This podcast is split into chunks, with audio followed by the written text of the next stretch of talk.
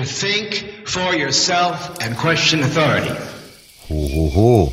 Las w radiu na fali, oczywiście, jak najbardziej. Radio na fali.com, człowieku. Właśnie, właśnie tu jesteś. Jesteś po prostu w hiperprzestrzeni, w lesie.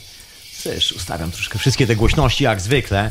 Muszę jak zwykle wykonać kilka manewrów mikrofonem. Nigdy mi się nie udaje idealnie ustawić tego wszystkiego. Zawsze musi być odrobina jezioranów, słuchowiska radiowego, gdzie ja obkopuję statyw, mikrofony i tak dalej. Przepraszam, przepraszam.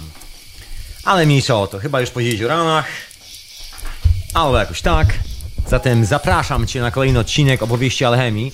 I myślę, że nie ostatni, bo tak ostatnio ja z kolei krążę ponownie po paru latach i nie tylko, właściwie nigdy chyba nie przestałem specjalnie krążyć dookoła tej alchemii. Właściwie zawsze zawsze jakoś tak się dzieje, że w końcu pewne wątki mnie przyciągają w to samo miejsce i tak spontanicznie, czy chcę, czy nie, ląduję tu, gdzie ląduję, czyli w tej alchemii.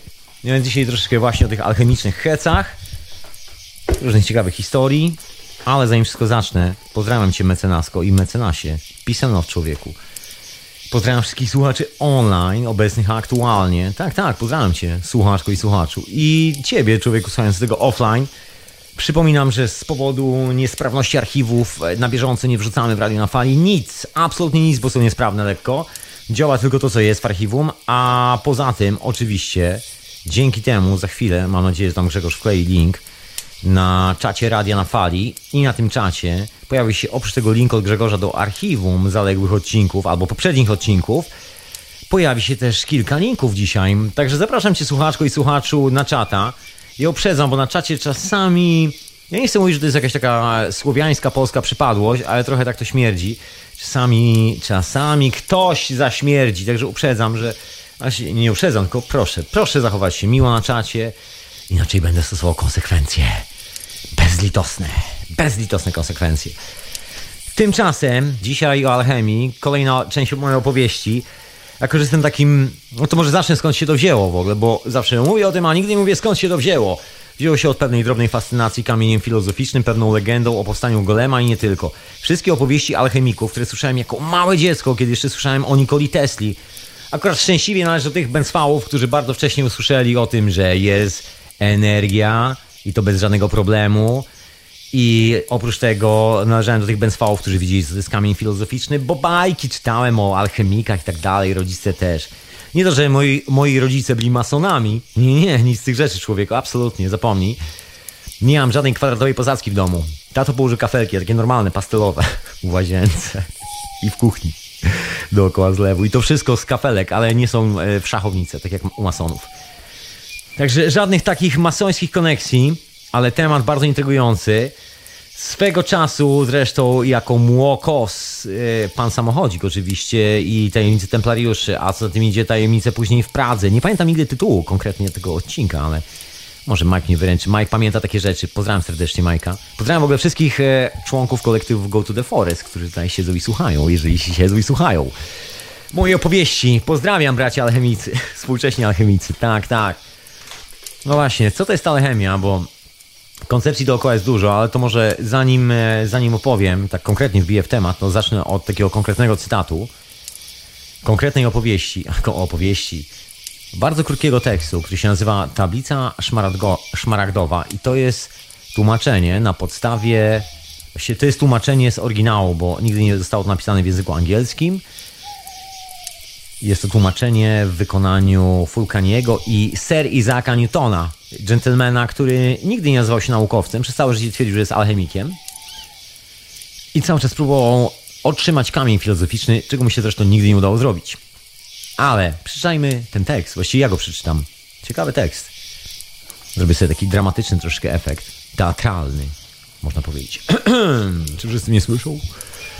To jest prawda, cała prawda na pewno i bez kłamstwa. To, co jest na dole, jest takie jak to, co jest na górze, a to, co jest na górze, jest takie jak to, co jest na dole. Poprzez to dokonują się wszelkie cuda i tak jak wszystkie rzeczy istnieją w jednym i pochodzą od jednego, który jest najwyższą przyczyną, poprzez medytację, med poprzez mediację jednego, tak wszystkie rzeczy są zrodzone z jednej rzeczy przez adaptację. Słońce jego ojcem, księżyc matką, wiatr nosił go w swym łonie Ziemia jest jego żywicielką i strażnikiem. Jest ojcem wszystkich rzeczy. Zawarta jest w nim wieczna wola. Jego siła, jego moc pozostaną całe, kiedy przemienia się w ziemię. Ziemia musi, ziemia musi zostać oddzielona od ognia, subtelne od gęstego, delikatne z nieustającą, delikatnie z nieustającą uwagą. Pozos powstaje z ziemi i wznosi się ku, ku niebu i z powrotem schodzi na ziemię. Gromadzi w sobie siłę wszelkich rzeczy wyższych i najwyższych. Poprzez poznanie tej rzeczy cała wspaniałość świata stanie się Twoja, a wszelkie, a wszelka niejasność odejdzie od Ciebie. Jest to moc ponad moce, siła posiadająca siłę wielkiej mocy, gdyż przezwycięży każdą subtelną rzecz i przeniknie każdą litą rzecz. W ten sposób został stworzony świat. Z niej są zrodzone różnorodne cuda, do których osiągnięcia podano tu wskazania. Z tego właśnie powodu nazywają mnie Hermes Trismegistos, gdyż posiadłem trzy części filozofii wszechświata. To, co nazwałem słonecznym dziełem, jest teraz zakończone. Jest to cytat z takiej, no właśnie, szmaragdowej tablicy. Ciekawa historia. Dzieło alchemiczne właściwie, no, nie wiadomo skąd to jest. Jest i jest. Co znaczy Hermes Trismegistos to po polsku po trzykroć wielki. No, Definicje są różne. Taka szkolna, można powiedzieć, definicja mówi, że jest to Bóg i prorok łączący w sobie cechy greckiego Hermesa i egipskiego Tota. Właśnie, Boga mądrości, bo Tot to Bóg mądrości. Ale ja może wrócę później do tych spraw egipskich, bo to jest bardzo ciekawa historia i wcale nie zamierzam tego dzisiaj pominąć. A zacznę może od takiej najprostszej definicji alchemii, skrojonej na dzisiejsze czasy. Wiesz, czym jest alchemia, słuchaczko? I słuchaczu, powiem ci, czym jest alchemia. Alchemia jest poza tym, że jest największą tajemnicą, jest e, koncepcją zunifikowanego pola. Tak to można nazwać, używając współczesnego naukowego języka. Po prostu koncepcja zunifikowanego pola. Czyli, że wszystko jest jednością i wszystko powstaje na wyniku interakcji między sobą. Nie ma zatomizowania w świecie, nie ma dualizmu. Wszystko jest jednością. To jest jedno zunifikowane pole. Jak to wygląda w praktyce? Oznacza to mniej więcej tyle, że każdy z nas jest indywidualną jednostką, każdy z nas ma indywidualną refleksję, indywidu indywidualną wolę. Nic nie jest tutaj deterministyczne, ale energia, która nas napędza, jest energią kolektywną. I ta energia kolektywna przenosi informacje o tym, w jaki sposób funkcjonuje wszystko dookoła. I ko kontakt z tą, dawniej nazywano energią, ja bym powiedział, kontakt bezpośredni z tą koncepcją zunifikowanego pola powoduje, że człowieku robisz kamień psycho, yy, psychologiczny, chciałem powiedzieć. No też można powiedzieć kamień psychologa. Tak można było dzisiaj nazwać. Kamień psychologa. Robisz kamień filozoficzny, czyli coś, co jest kolejną zagadką w alchemii. Rzecz dookoła której krążą niesamowite opowieści. Właściwie nikt nie zdefiniował nigdy. Ja będę tylko próbował zdefiniować ale nie będę tego robił dzisiaj, tu i teraz. To są tylko takie swobodne koncepcje. Y, zdefiniowanie, czym jest ów kamień filozoficzny. No to jest ciekawe zagadnienie, bo to nie jest takie jednoznaczne. Niektórzy twierdzą, tak jak w opowieści o Golemie, że jest to kawałek kamyka, który jest sprytnie przygotowany. Inni twierdzą, że jest to kawałek stopu, właśnie, bo ten kamień też jest zrobiony przez alchemika w specjalny sposób. Oczywiście jest zrobiony w miedzianym garnku, który jest cały opalony i ta miedź jest cała czarna. Jest pokryta grafiną. W dzisiejszych czasach wiemy, że alchemicy stosowali bardzo nielichą sztuczkę. Ta sztuczka się nazywa z angielskiego superconductivity, a po polsku nadprzewodnictwo. Czyli to, co aktualnie próbują gdzieś tam robić na niektórych eksperymentach, znaczy naukowcy na niektórych e, uniwersytetach, w niektórych placówkach badawczych, eksperymentalnie jeżeli chodzi o zjawisko nadprzewodnictwa, bo wiadomo, że właśnie, co to jest to zjawisko nadprzewodnictwa? To zjawisko to jest taki fenomen, że dookoła jakiegoś obiektu, który na przykład wytwarza owo zjawisko, powstaje magiczne pole. Tak, tak. Pole, w którym działa grawitacja. Pole, znaczy działa grawitacja cały czas, tylko że działa grawitacja w drugą stronę. Następuje lewitacja, bo grawitacja nigdy nie znika, ona cały czas jest, ale zmieniają się jej parametry. I wtedy wszystko może sobie zawisnąć w powietrzu. Jest kilka takich bardzo ciekawych odkryć naukowych. Wiele z nich zostało mocno zakopanych pod ziemię. No właśnie dlaczego? Będę próbował dzisiaj odpowiedzieć. Nie wiem, czy mi się uda zdążyć w tym odcinku, ale Mamy cały czas świata dla siebie, człowieku, także nie panikuj. Pewnego dnia uda mi się to opowiedzieć, albo i nie. Albo ty sam się o tym dowiesz. Ja w ogóle zapomniałem powiedzieć, że oczywiście pozdrawiam słuchaczy Radia Paranormalium. O, ja ciapa nieprzeciętna. Pozdrawiam cię człowieku słuchając tego z Radia Paranormalium. Pozdrawiam Iweliosa i przypominam, że oprócz tego, że archiwa u Grzegorza, to archiwa są oczywiście w Radiu Paranormalium. I jest jeszcze ciekawa debata w Radiu Paranormalium, także człowieku, nie wpadaj tylko do Radia na Fali, wpadaj też do Radia Paranormalium. To też są ciekawe rzeczy. A tymczasem, tymczasem Borem i do Radia Dreamtime, do Grzegorza. Anyway, a ja wracam, e, koniec tych ogłoszeń. Wracam do opowieści, właśnie, bo powiedziałem, że wspomnę, wspomnę o tym Egipcie troszeczkę więcej, no to chyba czas najwyższy, żebym troszeczkę ciapnął o tym Egipcie. Dzisiaj e, rozsiądę w foteliku wygodnie, no jeszcze opowiadam. No więc pochodzenie owej szmaragdowej tablicy przypisuje się, bo oczywiście nie wiadomo, kto to zrobił, niejakiemu bóstwu z Egiptu, można tak to powiedzieć. To jest nasze wyobrażenie na temat tych postaci. Właściwie wyobrażenie bardziej, można powiedzieć, brytyjskich kolonistów i francuskich, którzy wymyślali sobie, że to na pewno byli bogowie i tak też to było opisywane. Tak samo jak wymyślano sobie, że piramidy to świątynie i tak dalej, i tak dalej. Ludzie, którzy żyją wiarą, wszędzie chcą widzieć jakieś wierzenia, nigdy nie widzą wiedzy. I to jest zasadnicza różnica. Ale wracając do sedna sprawy, ową ciekawą postacią, która ponoć odpowiada za ten tajemniczy tekst, jest niejaki Todd. Dokładnie Todd. E, Todd. Kim był Todd? To był, Todd był taką bardzo ciekawą os e, osobą, postacią, właśnie nie wiadomo kim był to do końca. Ale jak jest przedstawiany w greckiej, jakiej greckiej, co ja mówię, w greckiej też jest mitologia, jest w wielu mitologiach, ale pochodzi z Egiptu. Jak jest przedstawiany oryginalnie w Egipcie? Oryginalnie był to koleś, który połączył ze sobą Ozyrysa i Horusa. Dwóch dżentelmenów, którzy się tłukli o moc, nie pozabijali. Jednego dżentelmena w ogóle przywrócił do życia, Ozyrysa właśnie.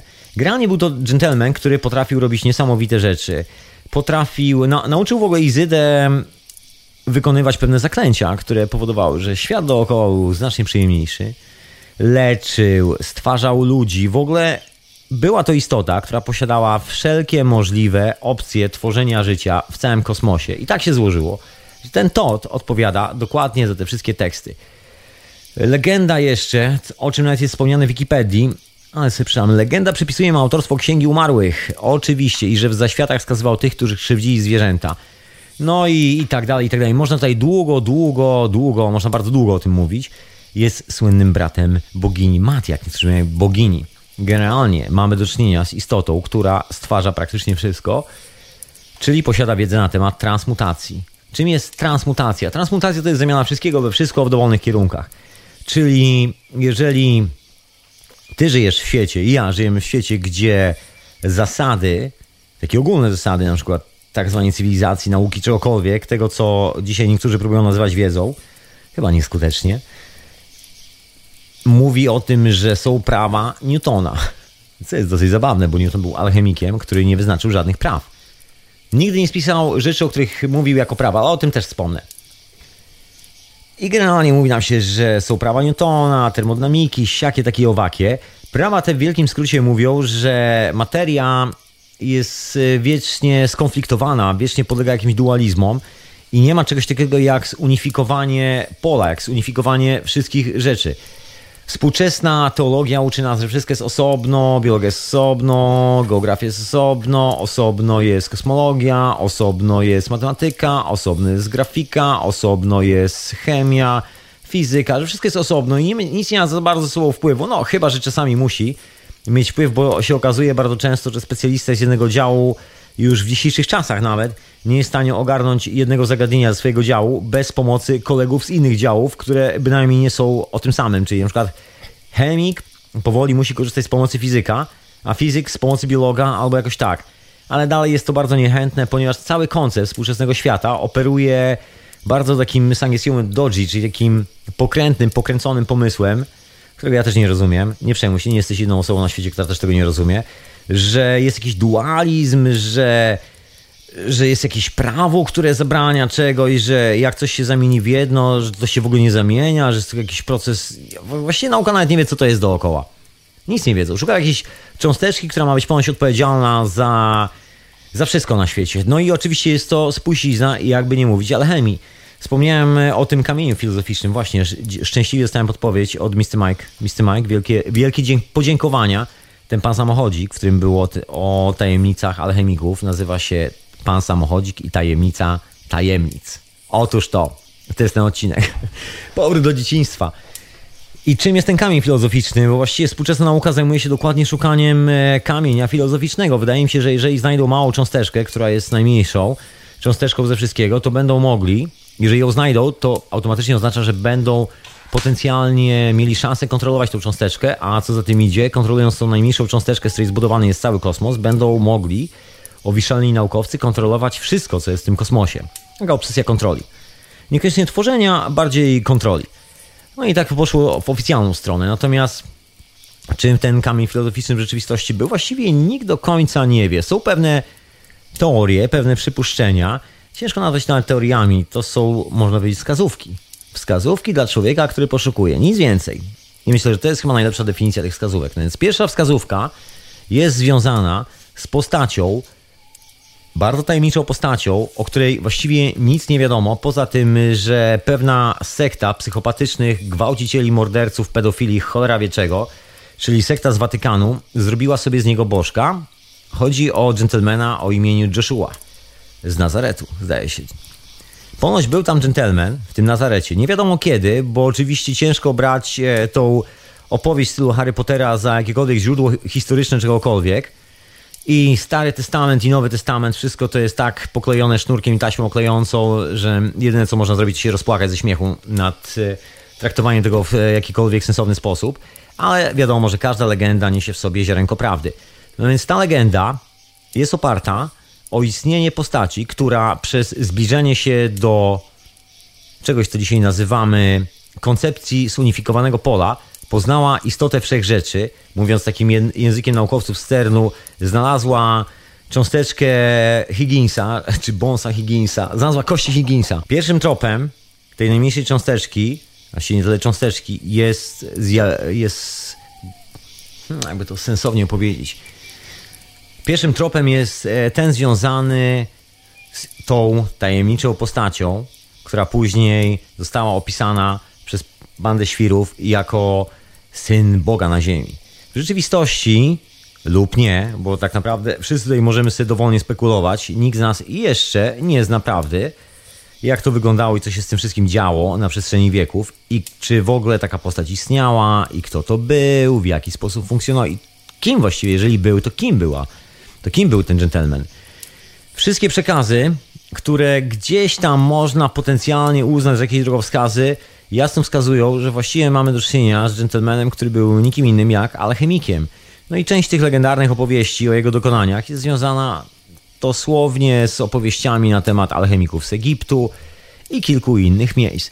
Nie ma tu za bardzo wielkich różnic. Chodzi o umiejętność stwarzania życia, umiejętność przywracania życia, umiejętność stwarzania rzeczy, tworzenia rzeczywistości itd. Tak itd. Tak I ta historia kończy się troszeczkę inaczej niż to, co opowiadają ci radośni sekciarze z Watykanu, bo oryginalna historia, która jest zapisana w bardzo wielu miejscach, zresztą teraz wychodzi coraz więcej faktów, okazało się, że są zapiski znalezione w Turcji na temat gentlemana o nazwisku Jezus, które zupełnie się nie pokrywają z tą oficjalną wersją. To w ogóle nic się nie pokrywa z tą tak zwaną oficjalną wersją. Ale zostawmy tą oficjalną wersję. Trop prowadzi do Francji i ponoć gentleman porzucił wszystko i za zaczął sobie tak spokojnie żyć swoim własnym życiem miał swoich uczni i przekazywał wiedzę, ale okazało się, że chyba wiedza nie za bardzo zażarła. Powstało Imperium Rzymskie, czyli właściwie wszystko potoczyło się w zupełnie drugą stronę. Ludzie zamiast e, rzucić się na fajną wiedzę, postanowili się chyba radośnie zabijać, czy jakoś tak, i stworzyć wielkie imperia. No i tak się skończyła cała historia.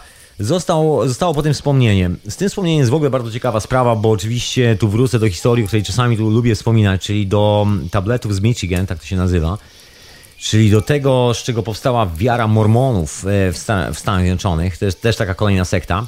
Był taki rolnik, bardzo mocno sklejony z tą legendarną powieścią zwaną Biblią, który wyemigrował do Ameryki, postanowił żyć takim prostym, plebejskim życiem, niczym Lew Tolstoj.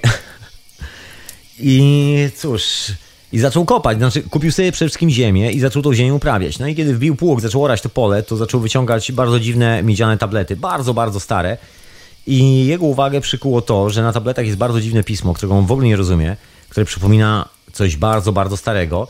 Oprócz tego, na dodatek, jeszcze są tam rysunki. I oczywiście są rysunki ukrzyżowanych postaci, wiszących na krzyżach. No i jegomość od razu wysnuł wniosek, że jest to prawdziwa historia Jezusa, prawdziwa historia jakiegoś ukrzyżowania i tak dalej. Dopowiedział sobie wszelkie pozostałe brakujące fakty.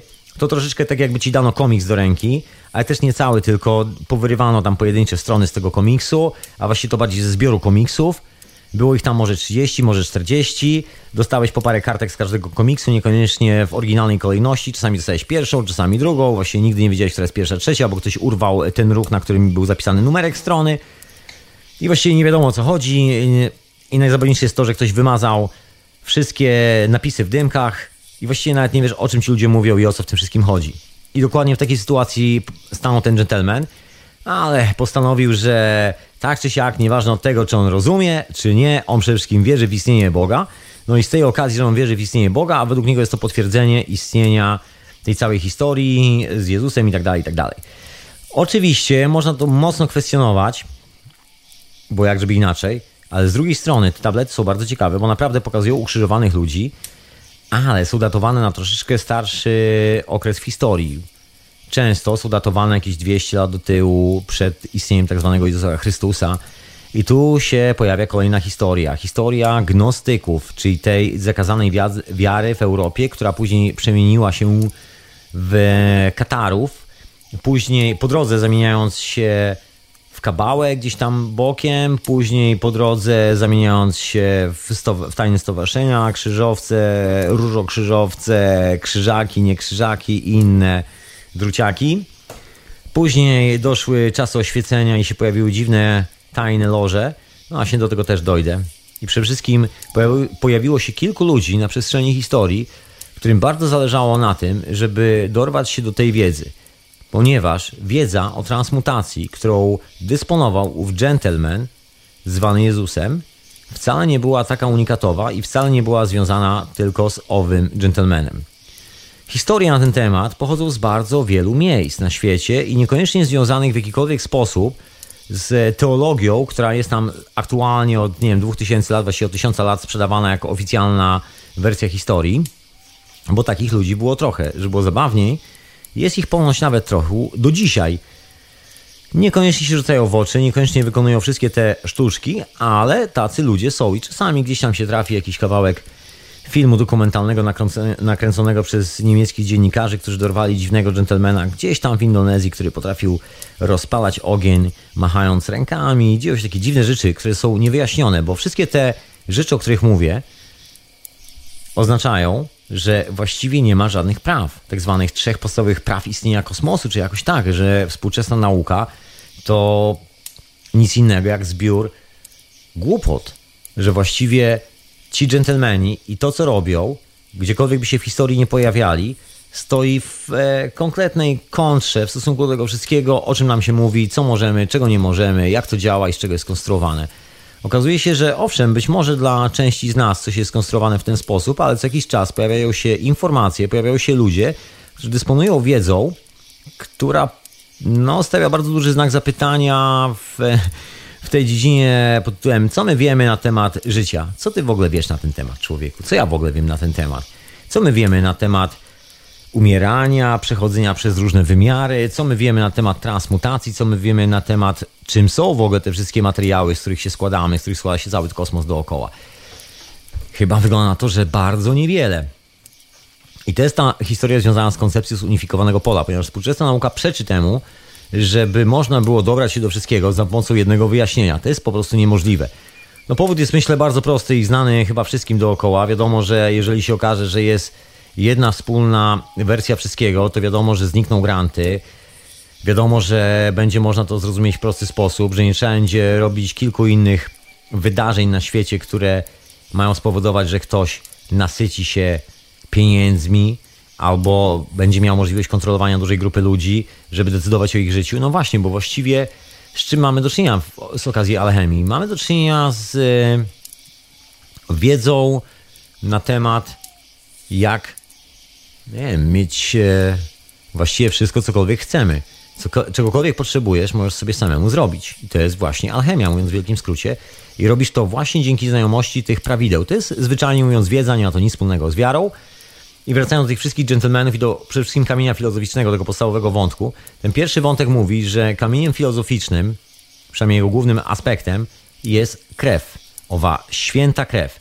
Oczywiście w historii było to związane z e, krwią rodową, czyli jeżeli na przykład w twojej rodzinie x pokoleń temu był taki gentleman, który potrafił robić niesamowite rzeczy, rzeczy, które przeczą tej oficjalnej wersji na temat limitacji naszej istoty, czyli tego, kim jesteśmy i co potrafimy robić, to teoretycznie, teoretycznie to tam właśnie krew lub ten element, który nosisz w sobie, jest właśnie tym świętym gralem. Jest dużo opowieści na ten temat, dużo różnych teologicznych historii, ale oprócz tego, że one zawsze bajkowo brzmią i no, nie da się ukryć, są naprawdę często mocno szalone, w tym całym szaleństwie jest element bardzo intrygujący od strony naukowej, który zupełnie nie ma nic wspólnego właśnie z owym szaleństwem.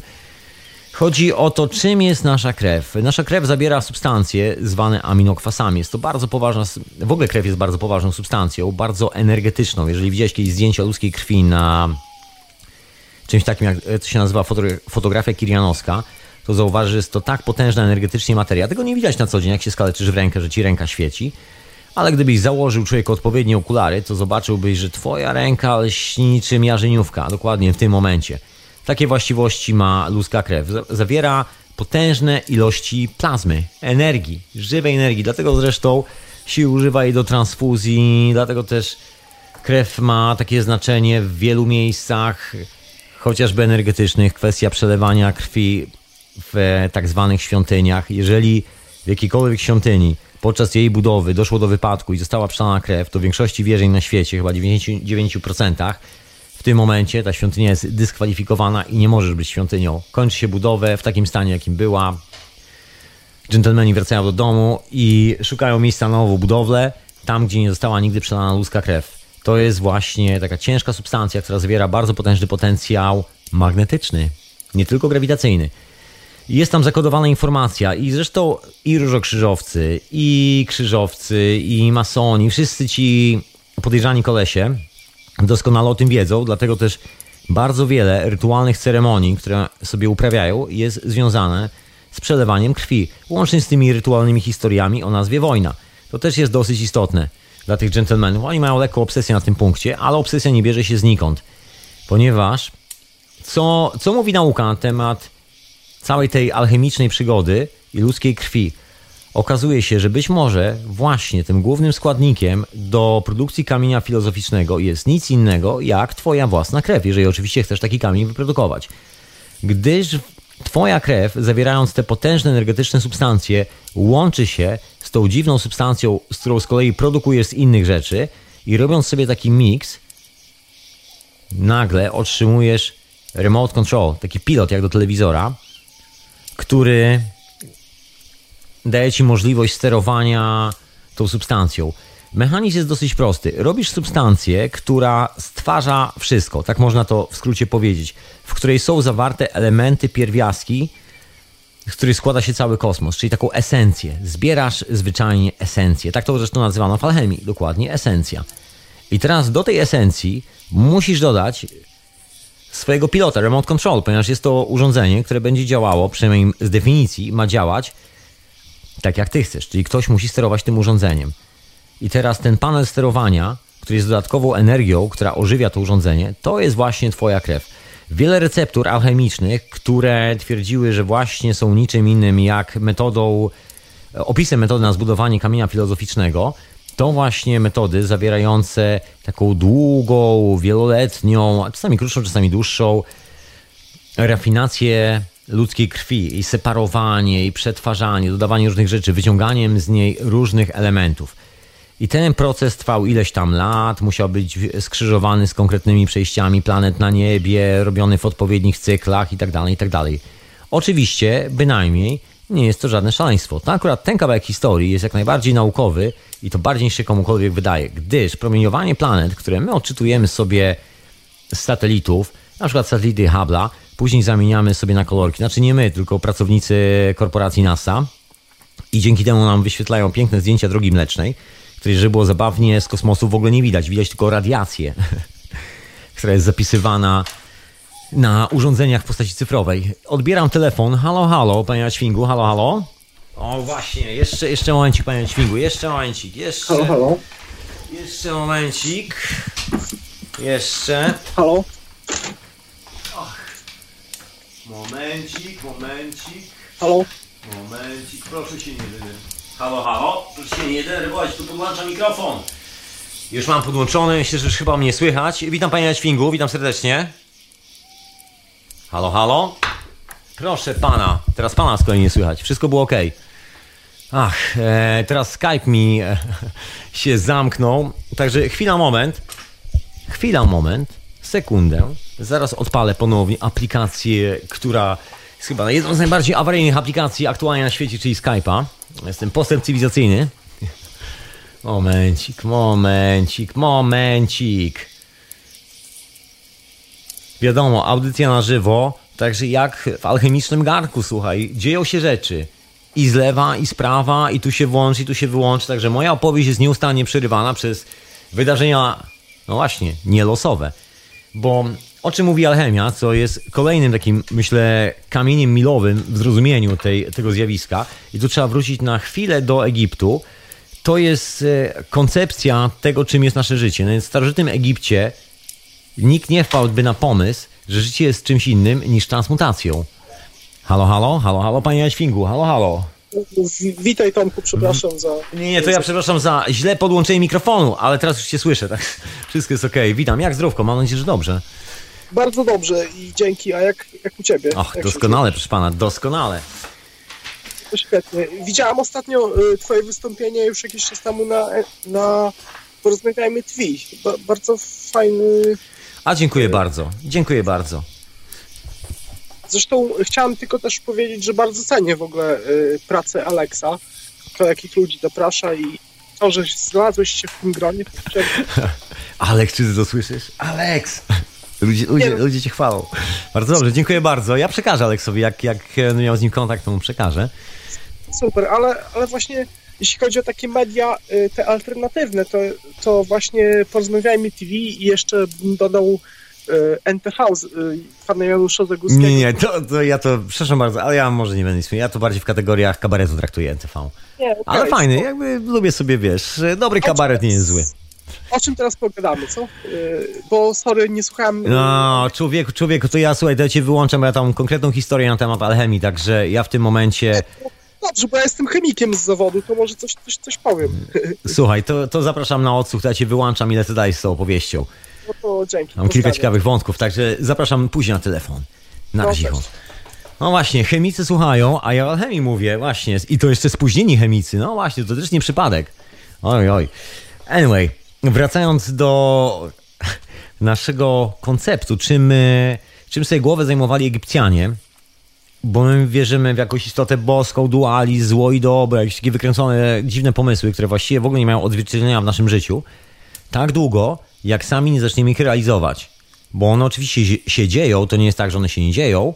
Te wszystkie rzeczy, które oficjalnie stanowią kanwę naszej egzystencji na tej planecie, ale pamiętaj o tym, że ta kanwa dzieje się tylko i wyłącznie twoimi rękami, że to nie jest coś, co jest zasadą istnienia kosmosu, bo nie jest zasadą istnienia kosmosu. Gówno prawda, koleżanko i kolego, gówno prawda.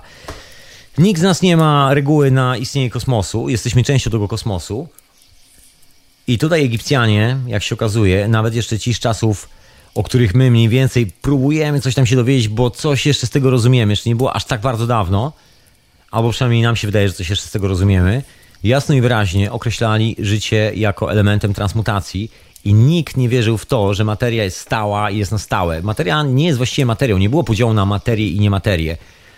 To jest tylko element transmutacji. Część energii się materializuje, żeby później się zdematerializować. Właściwie, jeżeli znasz podstawę tej całej historii, to nie ma problemu, żebyś sobie ciapnął takie budynki jak piramidy, za bardzo się nie przejmując tym, że sobie ręce ubrudzisz, kując jakieś ciężkie kamienie. No właśnie, tu jest kilka ciekawych historii związanych z piramidami, ale to może odłożę, bo właściwie ja dzisiaj taki, wiesz, Jestem alchemiczny. Także z Egiptu cała historia wylądowała w Grecji. I w ogóle sama nazwa alchemia pochodzi właściwie od Egiptu. Alchem, kem to właściwie starożytna nazwa Egiptu. Tu jeszcze chodzi o krainę owego bóstwa Tot. Bóstwa właśnie. Ciekawe, czy to było bóstwo. Właściwie jest tylko na rzeźbach przedstawiane jako bóstwo. Znaczy nawet nie jako bóstwo. Jest to postać człowieka z głową Anubisa. I jest to patron właściwie wszystkich ludzi, którzy cokolwiek robią. No i też trzeba tutaj przypomnieć, że oczywiście jest to stwórca hieroglifów, geometrii, tak zwanych sztuk wyzwolonych i wszelkich tych możliwych rzeczy, które właściwie tworzą egzystencję w naszym życiu. A ja podobnie mam Miedźwinga. Witam Miedźwingu. No, witam. Odnośnie alchemii mogę się troszkę wypowiedzieć. Zapraszam. Właśnie, co ty jako alchemik, e, znaczy jak, nie jako alchemik, ja jako chemik, jakie jest twoje podejście do alchemii? Jestem chemikiem, chociaż dosyć kiepskim, to przyznaję. Generalnie jakby skupiałem się na innych rzeczach w swoim życiu. W każdym razie e, no, świat ma budowę e, taką dualną, prawda? Są przeciwieństwa. I, i no właśnie jakby... nie, no właśnie to jest tylko koncept w, tylko i wyłącznie sposób... wynikający z, e, ze współczesnej teologii, jak się okazuje. Taki bardzo krótki koncept, który ma raptem tylko 300 lat i to wszystko.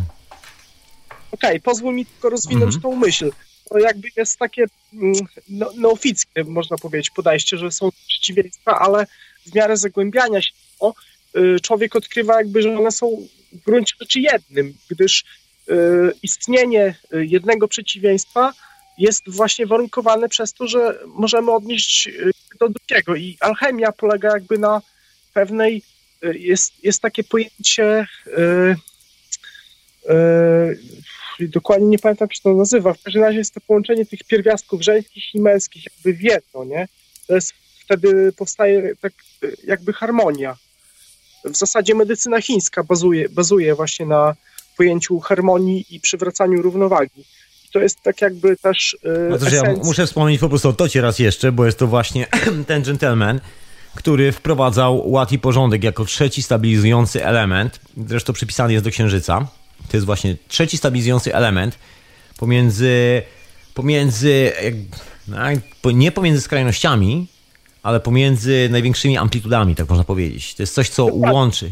Pewnego rodzaju równowaga i, i pewien taniec taki jakby, taka harmonia, którą, y, do której uzyskania jakby y, dążą wszelkie istoty. Okej, okay, no kontekst mój jest tej, tej opowieści, bo nie słyszałem wcześniej, jest taki dosyć prosty, ponieważ Tot jest właśnie uznawany, poza tym, że jest oczywiście twórcą Księgi Umarłych, jest także autorem tablicy szmaragdowej, czyli tekstu, który mówi i właściwie reprezentuje najważniejszą rzecz w alchemii, że opisuje, czym właściwie jest nasza egzystencja, że jest nieustanną transmutacją i że nie ma żadnego dualizmu. To jest tylko nasza percepcja, która chce widzieć dualizm, to go widzi. Jeżeli nie widzisz, to w tym momencie nagle widzisz, że składasz się z tych trzech części i że świat to jest nic innego jak zunifikowane pole. Cały kosmos, bez wyjątku, absolutnie, i że całym tym zunifikowanym polem rządzą konkretne zasady, które nie mają nic wspólnego z tą koncepcją naukową, tak zwaną, która nam teraz przyświeca, że na przykład myślimy, że tylko w jedną stronę, że, że działa prawo termodynamiki, wszystkie tego typu historie. Nagle się okazuje, że są dżentelmeni, którzy potrafią zaprzeczyć istnieniu każdego możliwego oficjalnie panującego aktualnie prawa w nauce. No, okej. Okay. W, w, ogóle jestem pod wrażeniem jakby twojej e, postawy wobec życia i sam staram się mieć podobną, oczywiście w odniesieniu do jakby do swoich doświadczeń i tak dalej, e, spersonalizowaną bardziej, ale właśnie e, o, o to chodzi, żeby po prostu we wszystkim móc odnaleźć coś, co nas pchnie dalej, nie? No właśnie, czy coś bo... jest złe, czy coś jest dobre, to jest tak, takie bardzo względne tak naprawdę. Słuchaj, a... to ja, się, ja mam do ciebie pytanie, bo ja taki będę techniczny troszeczkę dzisiaj, bo chcę cię wyciągnąć, pociągnąć trochę za język jako chemika, bo historia jest związana oczywiście, co tu dużo nie mówić, ze, z urządzeniem zwanym przez niektórych świętym gralem albo kamieniem filozoficznym. Jedno i drugie jest dokładnie tym samym. Jest to element, który zawiera owe dwie moce, które po dodaniu tej trzeciej mocy nagle dają ci możliwość stwarzania świata. Pierwsza koncepcja, taka podstawowa w alchemii, która właściwie no, panuje od sami 300, e, co ja mówię, 800-700 lat, jeżeli nie dłużej, To jest koncepcja, która mówi, że musisz wyprodukować substancję, która zawiera wszelkie elementy kosmosu, następnie dodać do niej odpowiednio spreparowaną swoją krew, właściwie esencję swojej krwi, która jest twoim pilotem do robienia tych wszystkich reakcji. I w tym momencie twój umysł siłą woli, ponieważ w tym momencie dochodzisz do, do takiego momentu, w którym posiadasz wszystkie te trzy elementy, stapiasz się z tym wszystkim, zaczynasz to rozumieć i swoją siłą woli nie tylko tworzysz taką możliwość, że nagle produkujesz dowolną substancję, którą chcesz. Wiadomo, że w czasach e, naszej historii, tak zwanej nowożytnej, w odniesieniu do starożytnego Egiptu, takim e, czymś cudownym jest oczywiście chciwość, czyli rządza złota, czyli złoto, czyli produkcja złota i długowieczność. To, był, No. to było coś, co było nieustannie poszukiwane przez wszystkich tych różokrzyżowców, Watykan, wszystkich tych dżentelmenów, po to, żeby złapać wreszcie ten tajemniczny, mityczny, nie wiadomo co, kamień filozoficzny, który daje im możliwość kontrolowania całego świata, ponieważ ich kontrola nad światem praktycznie jest żadna i polega tylko i wyłącznie na tym, że potrafią kogoś fizycznie unicestwić, wysłać do krainy wiecznych łowów i na tym się kończy cała kontrola. Natomiast sami nie potrafią ani produkować złota, ani nic, ale jako, że, że są to ludzie światli, doskonale wiedzą, że to jest możliwe, bo robiono to już nie raz, nie dwa w historii cywilizacji, nawet tej. Robiono to całkiem tak dawno temu i że było zabawniej, właśnie jest to robione aktualnie w kilku miejscach na świecie, nawet więcej niż kilku.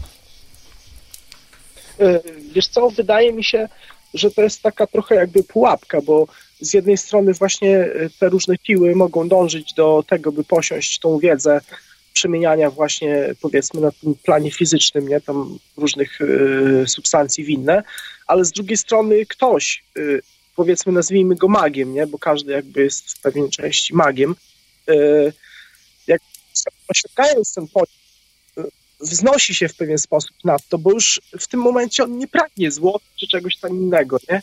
Bo jakby łącząc w sobie te dwa pierwiastki, te tak zwane alchemiczne wesele, wcześniej mi zabrakło tego określenia, Dokładnie, otóż to. jakby wiesz, y, po prostu rozkoszuje się pełnią y, ekspresji swojej, nie? I, i po prostu... Moment iluminacji. To się nazywa dokładnie w alchemii moment iluminacji. Zresztą stąd y, pewn, pewna grupa ludzi wzięła nazwę do swojego tajnego stowarzyszenia. Zresztą nazwa ta jest związana z iluminacją i ta ilu- iluminacja, nie będę cię droga słuchaczko i słuchaczu i ciebie Jaćwingo oszukiwał, jest związana z produkcją złota, do czego dzisiaj powoli, powoli zmierzam. Ale tak Znaczy- powoli. To, mogę wejść w słowo właśnie. Słuchaj, chciałem się zapytać właśnie ciebie jako, chemi- jako chemika, czy jest e, w aktualnej chemii, takiej po prostu normalnej, nie wiem, eksperymentalnej, czy w ogóle takie zagadnienie ma miejsce? Czy w ogóle chemia traktuje poważnie ten moment, że ja robię sobie dwie substancje, które reprezentują te dwie skrajne amplitudy, te dwa miejsca, w których nigdy nie będę, ponieważ to jest energia, która jest już poza mną, natomiast wiążę tą energię swoją własną krwią i w tym momencie mam akces do produkcji czegokolwiek, czego, e, cokolwiek sobie zażyczę. Dobrego samopoczucia, zdrowia, wszelkich możliwych rzeczy. Wody, owoców. Mogę zamienić wodę w, cokolwiek chcę, albo cokolwiek chcę w wodę.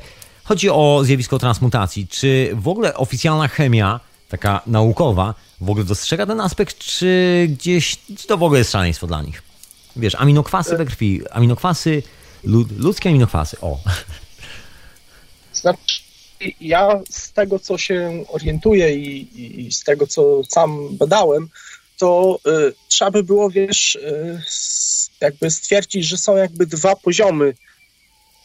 Y, taka nauka jakby oficjalna, nie? Tą, którą tam w Teleexpressie czasami powiedzą, że coś tam wynaleźli, czy coś tam innego, a taka nauka w, wprzęgnięta w, y, w jakieś aspiracje imperialistyczne różnych jakby ośrodków, nie?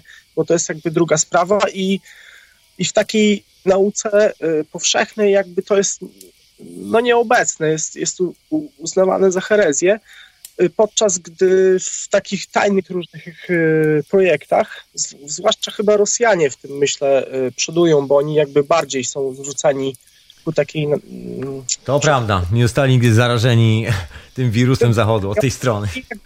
oni jakby po prostu nie mają tej takiej, e, jakby to określić. Chodzi o patenty, po prostu nie ma walki o patenty, dlatego że było to jedno takie homogeniczne państwo, nie było patentów, nie było takich rzeczy, były zespoły badawcze, był projekt, badało się, jeżeli coś z tego wychodziło, to się robiło czołg, który działał, albo lepszą pralkę dla wszystkich.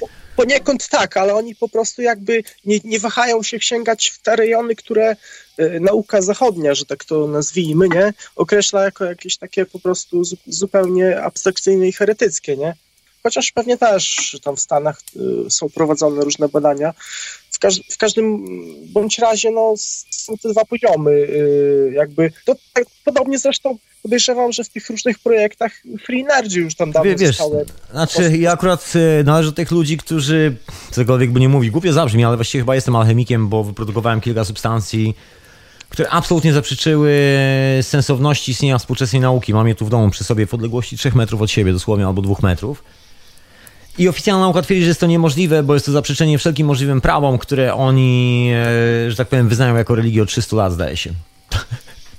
Także, I don't know. I, nie wiem, co ci kolesie robią. Właśnie dlatego tak się pytam, czy w ogóle w oficjalnej, oficjalnej nauce w ogóle jest to dopuszczalna koncepcja, że świat nie składa się z dualizmu, że nie ma czegoś takiego dualizm, jest tylko kwestia twojego poznania. To jest ta kwestia właśnie iluminacji.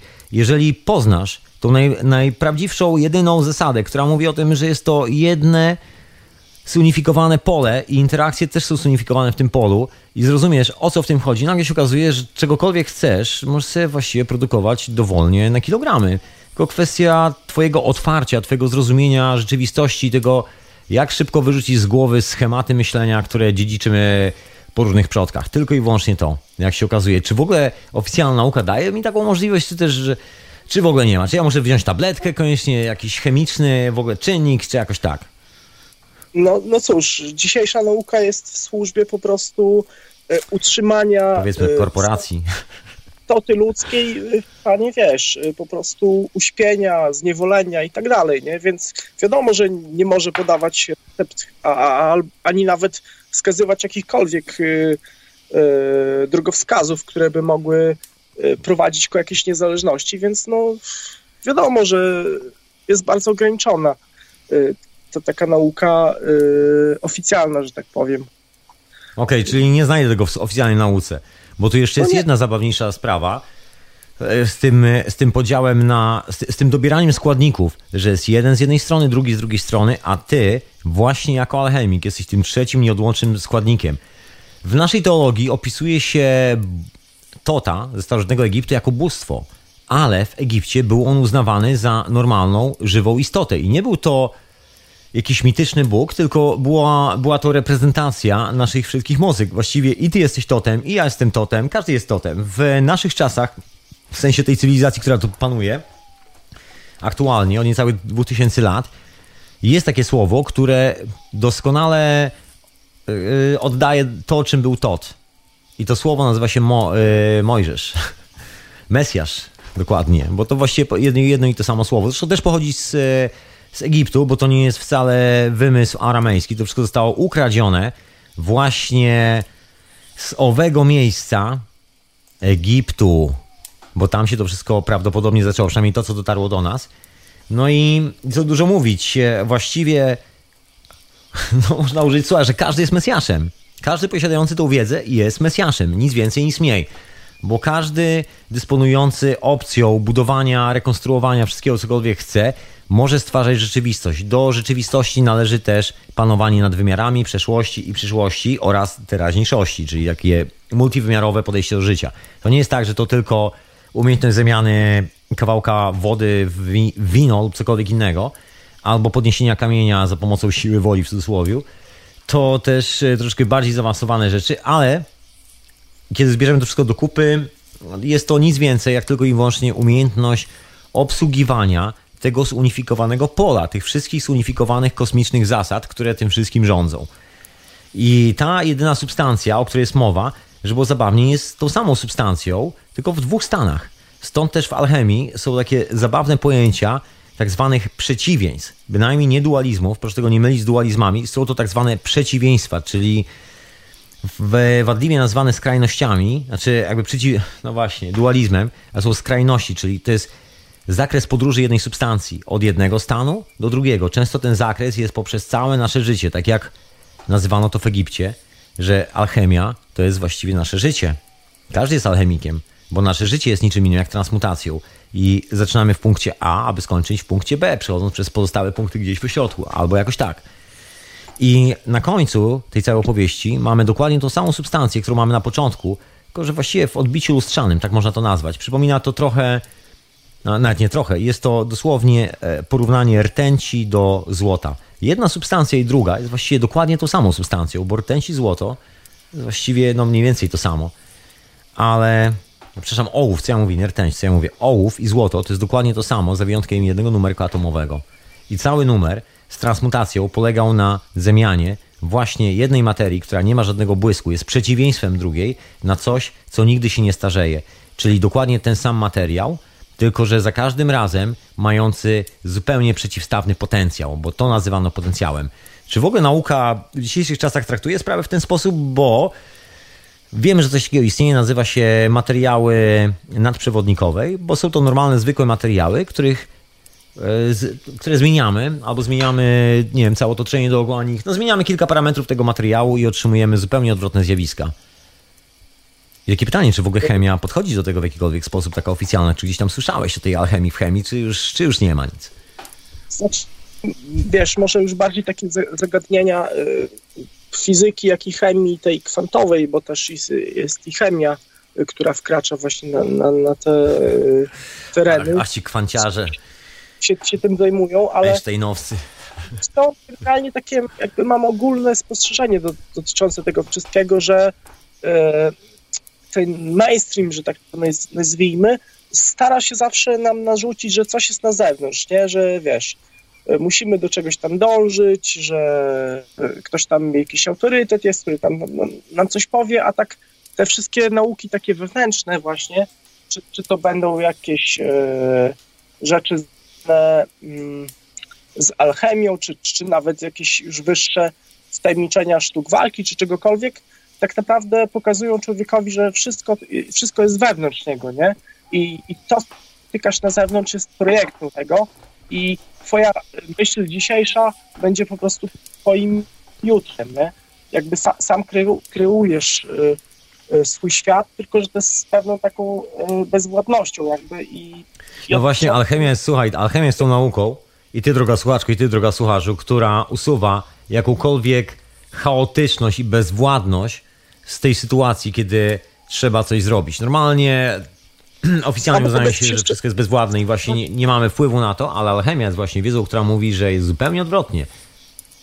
Mogę dodać? Y, to tak symbolicznie spójrzmy na karty Tarota, prawda? Zaczynają się kartą Błazen, a kończą się Głupca. kartą Mak i y, głupca znaczy, błazna.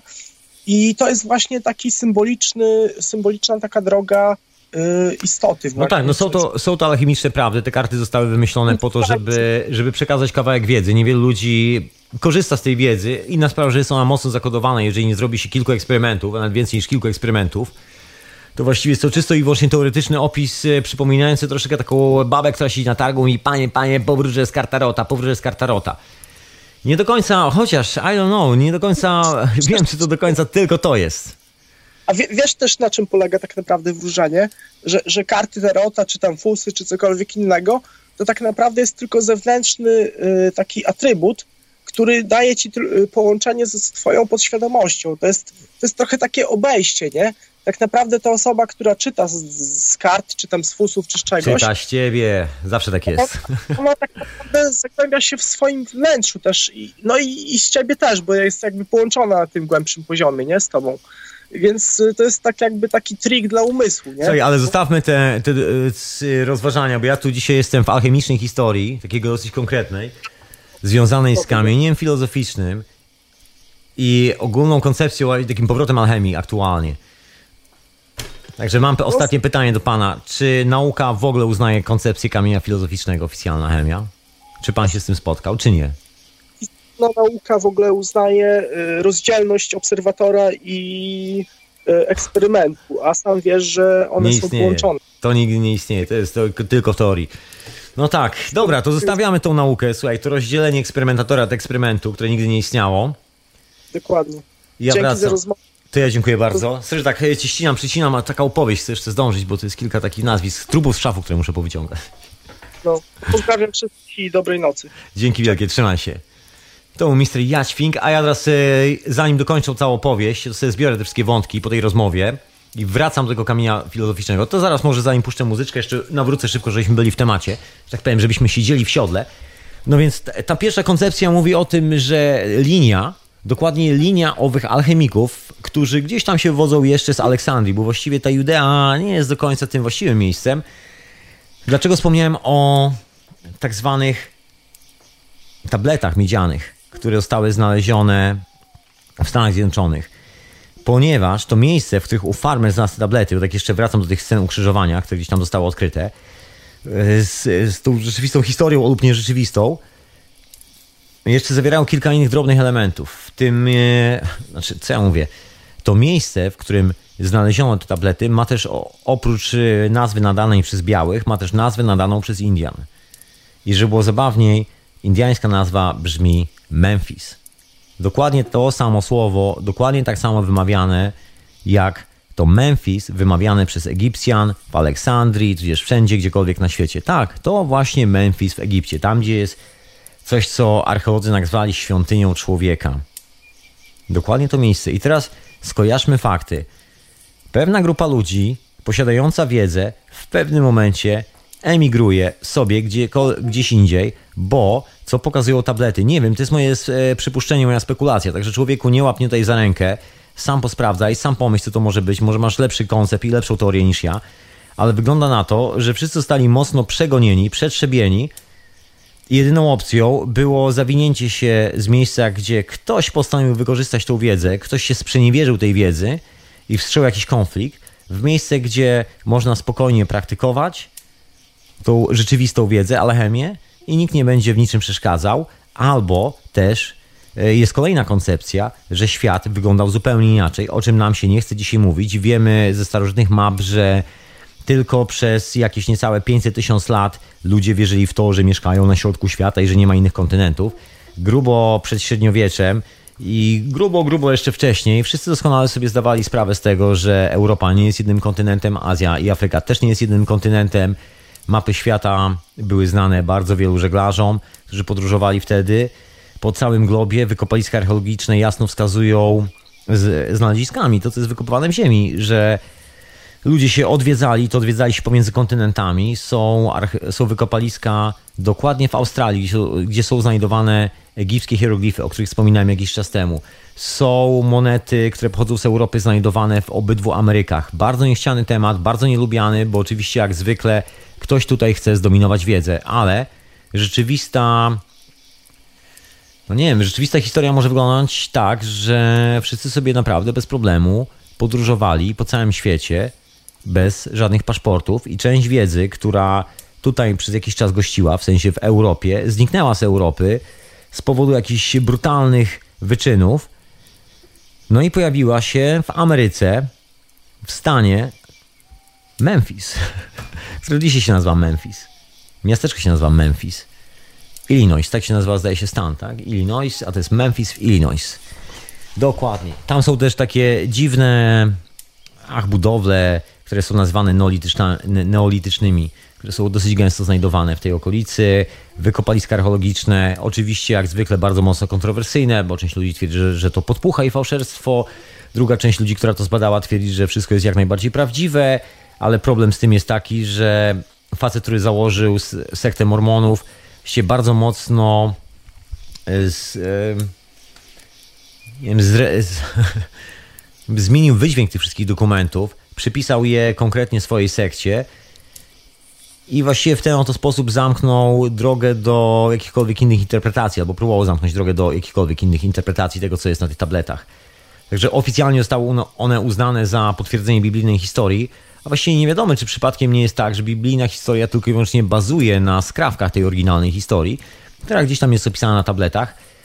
Wygląda na to, że jakieś 200 lat przed tym oficjalnym początkiem nowej ery, przed narodzinami Chrystusa, zaczęło się dziać coś e, w Aleksandrii. Zresztą to jest dokładnie moment z pojęcia Biblioteki Aleksandryjskiej, kiedy poznikały starodruki.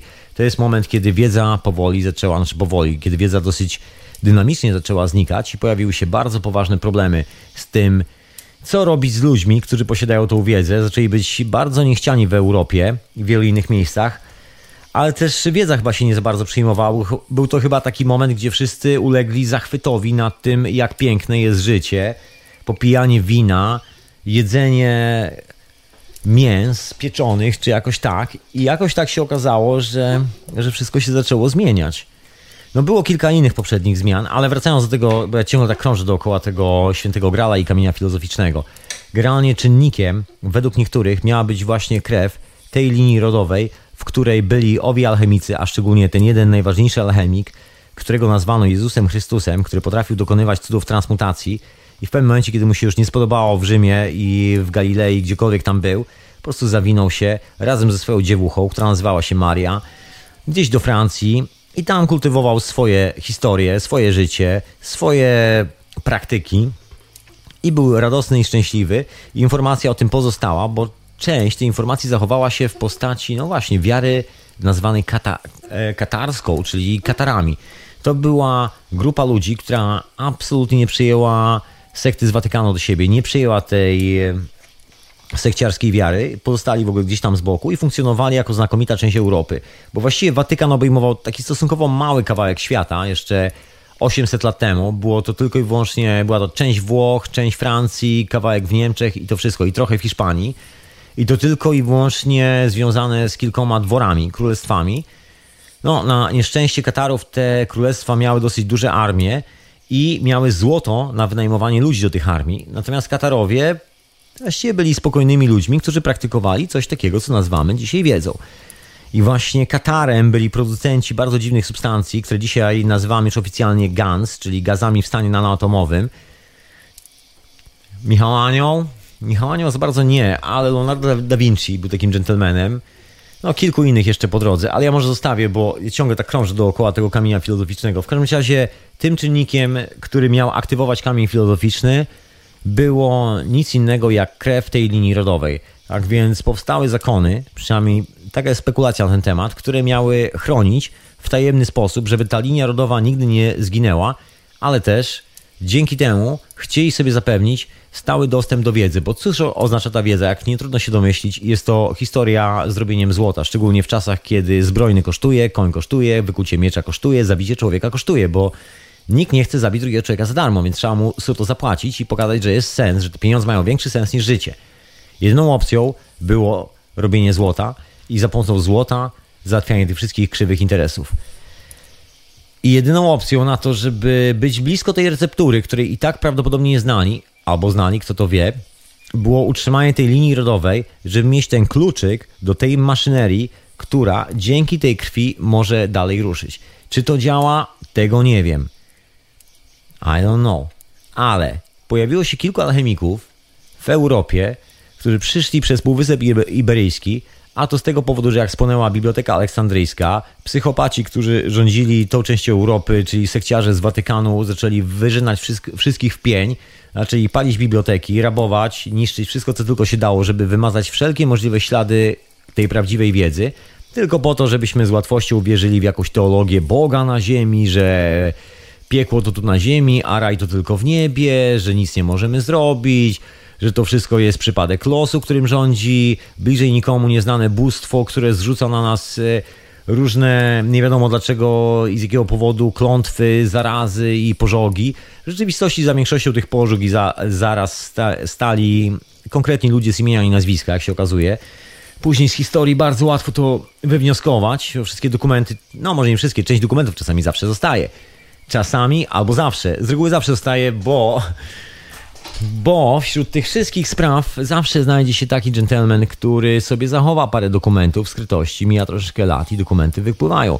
Tak samo jak z tymi pracami alchemicznymi. Jak na ironię, sekta, która oficjalnie zabroniła uprawiania alchemii, ponieważ ryzyko było zbyt duże, w pewnym momencie w Europie, no może nie zaroiło się od alchemików produkujących złoto, ale pojawiło się parę dworów, które nie wiadomo skąd nagle zaczęły dysponować dosyć sporym bogactwem, a wiadomo było, że Zawsze ci kolesie byli biedni jak tak zwana kościelna mysz i nic nie mieli. I pewnego dnia w ciągu raptem paru lat po tworzeniu podbojów alche- e, alchemii, co ja mówię, po tworzeniu drzwi dla alchemików, którzy zaczęli tam robić swoje podboje, nagle po paru latach te dwory zaczęły kwitnąć życiem, zaczęły mieć pieniądze, zaczęły mieć troszkę większe armie, Zaczęło ich być stać na, no właśnie, troszeczkę bardziej dostatnie życie. I wszyscy się zastanawiali skąd. I był taki pochód alchemików przez Europę.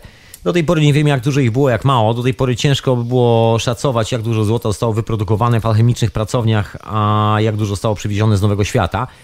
No i w pewnym momencie stało się to chyba na tyle intensywne, że spuszczono nawet hamulec i pozwolono ludziom dowiedzieć się, że Europa nie jest jedynym kontynentem i była to taka najtańsza, najczystsza i najłatwiejsza od tej komercyjnej strony droga pozyskiwania złota, bo jak się okazało, prawdopodobnie ta linia krwi nic nie daje. Poza tym, że jest linią krwi, teoretycznie być może gdzieś jest jakieś urządzenie albo fragmenty urządzeń, które służyły do, jako taki setup do produkcji kamienia filozoficznego i można było dokonywać dowolnej transmutacji, właśnie mając dokładnie tą grupę krwi, tą grupę krwi, którą miał ostatni, najsłynniejszy alchemik, który się dobujał się okazało, że chyba, chyba urządzenia nie działają za bardzo. No nie można tego wrzucić na śmietnik, trzeba dalej pilnować, bo a nuż ktoś weźmie w łapy i coś wyprodukuje. I wyszło na to, że właśnie pojawiło się kilka bardzo ciekawych alchemicznych traktatów około 1200 roku, jeszcze za czasów Katarów. To był ostatni moment, gdzie Europa była w miarę wolna i nie była spacyfikowana przez tą hołotę z Watykanu. No ale e, rok 1200, krucjata abigejska, granie Rzym e, podjął krucjatę przeciwko wszystkim e, ludziom, którzy myślą inaczej w Europie. Doszło do potężnych rzeźni, które trwały chyba 30 lat. Wycinano po prostu w pień całe miasta, palono, gwałcono, robiono wszystkie możliwe rzeczy, które można było zrobić, żeby wyeliminować wszystkich możliwych Katarów z tej planety. Nie udało się, na szczęście. Część Katarów przeżyła w podziemiu, bo to oczywiście nagle stało się dosyć ryzykowne, żeby być w ogóle oficjalnie Katarem, żeby nie być chrześcijaninem. Można było spłonąć na stosie, ale zanim się spłonęło na stosie, można było mocno pocierpieć. Zatem wszystko zeszło do podziemia. I jak na ironię, nie tylko Katarzy, bo taka podziemna organizacja istniała zawsze u tych sekciarzy, którzy próbowali zawsze wyprodukować złoto i nigdy mi się za bardzo nie, nie udawało, ale zawsze chcieli to zrobić, zawsze chcieli być blisko tej, tej wiedzy ale zawsze byli daleko. Mieli niby wszystko, mają wszystkie starodruki, mają, przynajmniej tak to udało się ocalić. Mieli tych wszystkich alchemików. No właśnie, a kto tym był? Kto, kto był tą, tą instytucją? Tą instytucją był Watykan. Jak na ironię, w czasach, kiedy w Europie panowało, panowała największa ciemnota, dokładnie w tym samym czasie jedni z najbardziej egzotycznych, w cudzysłowie, alchemików Europy mieszkali w samym centrum Watykanu i byli sponsorowani przez papieży. I to nie jest przypadek. Każdy z tych alchemików pracował nad tą samą recepturą, recepturą kamienia filozoficznego. Zasada była prosta. Chodzi dosłownie tak jak dzisiaj w tym komercyjnym biznesie. Chodziło o patenty. Ten, kto pierwszy złapie metodę i wyprodukuje, to przede wszystkim będzie nieśmiertelny i oprócz tego będzie miał w cholerę złota. Także zapanuje nad całym światem, przybliży się do Boga i w tym momencie, no właśnie, przybliży się do Boga. Chyba nie było refleksji na temat, co dalej z tym przybliżaniem się do Boga, bo w ramach tego przybliżania się do Boga wycięto miliony ludzi na świecie. Dosyć słaba idea, jak się okazuje. No ale poszukiwania trwały. Oczywiście nie można było zaprząć wszystkich ludzi do tego, powiedzieć, ok, mamy nową koncepcję świata, Ziemia nie jest płaska. Chociaż w dzisiejszych czasach, jak się okazuje, Watykan chyba wygrał w głowach niektórych ludzi, bo niektórzy twierdzą, że Ziemia jest płaska dzisiaj. Anyway, w pewnym momencie się okazało, że właściwie wiadomo, że ten kit kiedyś upadnie, ale lepiej, żeby ten kit był dłużej utrzymywany, bo ciemnota jest bardziej podatna na wszystkie te magiczne sztuczki, które dzisiaj nazywamy wiedzą. Wszystkie te sztuczki wywoływane przez alchemików podczas robienia eksperymentów. Wszystkie te, które były doskonałym dowodem używanym przez Watykan na potwierdzenie istnienia Boga, którego nikt nie rozumie i do którego każdy musi modlić i płacić pieniądze tej organizacji. A że alchemików zrobiło się troszeczkę sporo w Europie, prawdopodobnie chyba zaistniało ryzyko, że pojawi się troszeczkę złota w niewłaściwych rękach, a czy niewłaściwych e, według Watykanu, niewłaściwych według kilku królestw. Stracą swoją dominację, panowanie. Także ruszono po nowy, e, ruszono na nowy świat, po nowe zasoby złota, a w międzyczasie alchemia została oficjalnie zakazana przez Watykan w Europie. No tym bardziej, że Europa była spacyfikowana dosyć konkretnie.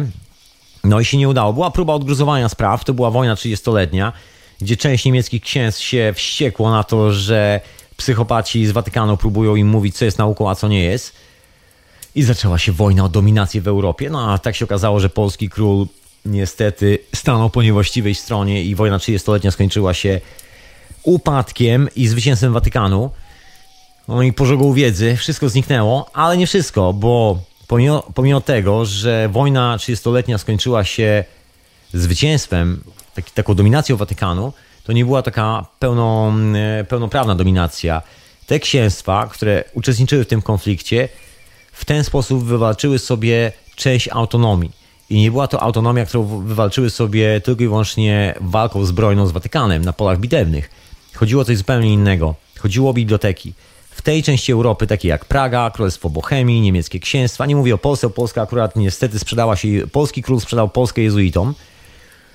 I niestety Polska do dzisiaj jest e, placówką e, korporacji zwanej jezuitami, jezuickiej korporacji. Do dzisiaj to się niewiele zmieniło. Zresztą słyszałem, że ostatnio szef tej korporacji odwiedzał swoje włości, żeby sprawdzić, czy przypadkowo jego splendor tam nie, nie podupadł. No i ta korporacja nie za bardzo mogła aż tak mocno poskoczyć, ponieważ te biblioteki, które znajdowały się po tej heretyckiej stronie, zawierały dosyć dużo informacji. No i na dodatek tego wszystkiego po tej heretyckiej stronie było bardzo dużo ludzi, którzy studiowali te manuskrypty.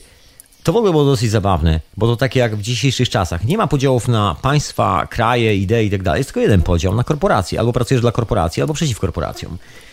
Oczywiście przeciętny człowiek wierzy w jakiś konflikt pomiędzy muzułmanami, chrześcijanami, wszystkie te opowieści. W rzeczywistości konfliktu nie ma. Są tylko ludzie, którzy wynajmują kilku wariatów, żeby się przebrali za muzułmanów, wysadzili się w jakimś kościele, na przykład w Berlinie albo w Paryżu, gdziekolwiek indziej, krzycząc Allah, coś tam, coś tam. Oczywiście że tylko po to, żeby przekonać mnie, że to są muzułmanie. W rzeczywistości później się okazuje, że znajdowane są paszporty pracowników CIA, jakieś takie dziwne kombinacje. Muzułmanie nie mają z tym nic wspólnego. Na dodatek jeszcze w zamachu giną muzułmanie.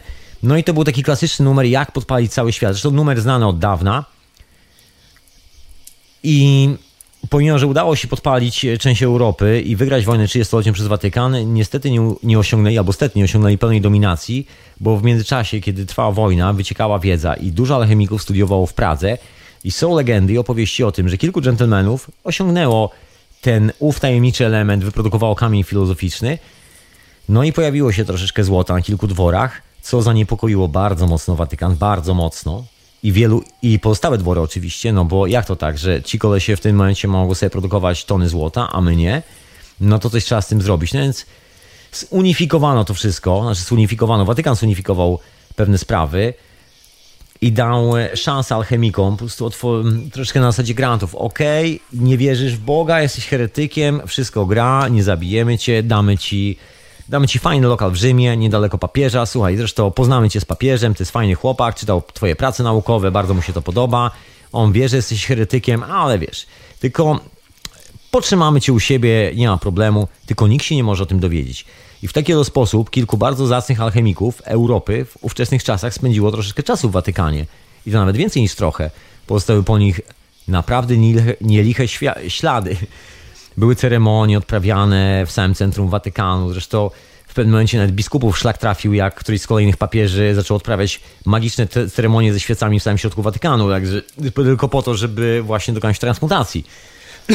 nawet biskupi byli zniesmaczeni, że może wierni się dowiedzą i co wtedy będzie z naszą wiarą, że my tutaj cały czas szukamy kamienia filozoficznego, cały czas szukamy jakby tu wziąć wszystkich za mordę i zdobyć taką permanentną dominację nad każdą żywą istotą na świecie.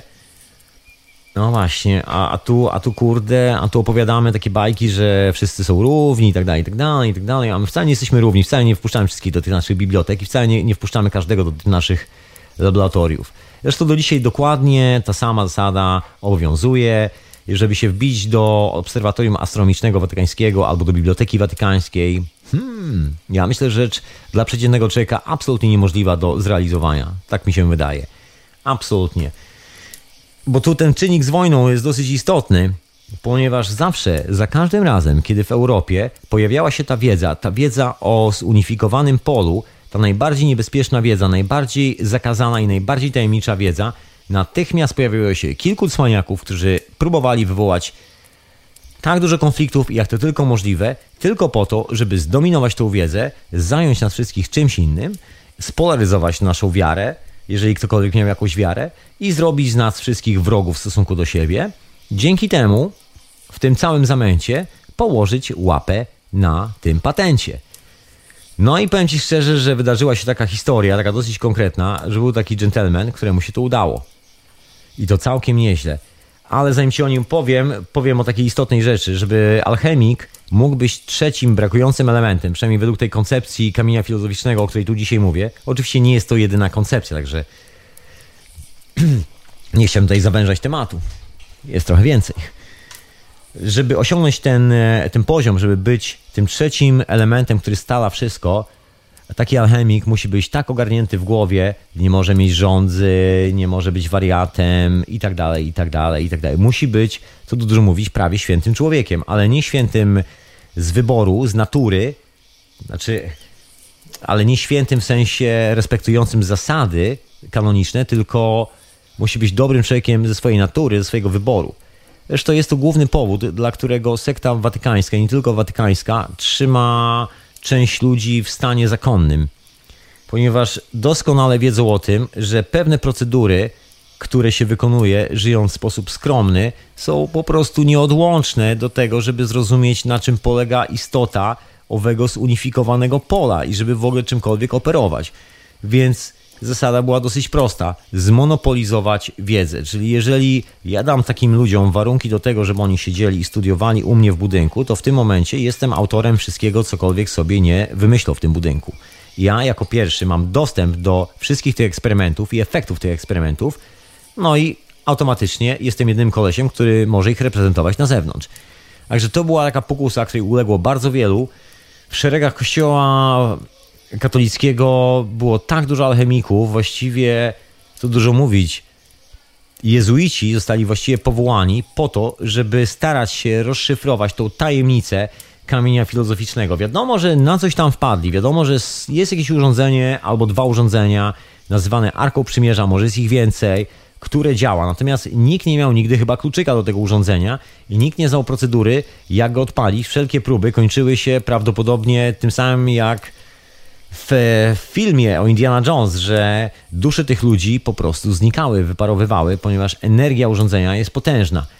I ciągle jest poszukiwanie tego kluczyka do tej energii. Jak to zrobić? Dlatego też jest ta, moim zdaniem jest ta legenda, nie tylko legenda, o tej linii krwi, która jest chroniona przez Kościół Watykański, ponieważ ta linia krwi jest według nich częścią odpowiedzi na zagadkę, jak wyprodukować kamień filozoficzny, jak stać się stwórcą.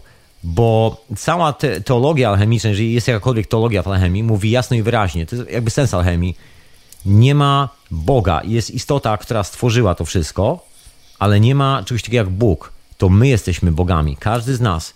I poziom naszej boskości zależy tylko i wyłącznie od naszej iluminacji. I proces iluminacji to dobre samopoczucie, bycie dobrym człowiekiem, to, czym jest chociażby w tych legendach z Egiptu, Bóg Tod, że jak skrzywdzisz psa stary, to po śmierci ten Tod przyjdzie i ci wyrwie serce. W cudzysłowie oczywiście, spokojnie, może nie będzie taki brutalny, może tylko cię kopnie, tak jak ty tego psa i na tym się skończy.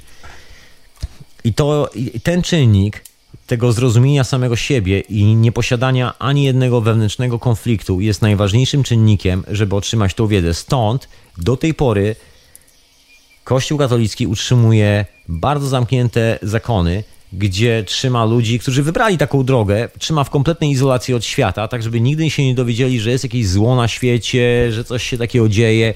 Jest taki specjalny zakon i to nie jest chyba jedyny zakon, bardzo mało się o nim mówi. Są takie specjalne siostry zakonne, jest ich bardzo niewiele, to jest taka specjalna alchemiczna, kabalistyczna liczba tych zakonnic, nie może ich być więcej ani mniej, dosłownie, wcale nie żartuję.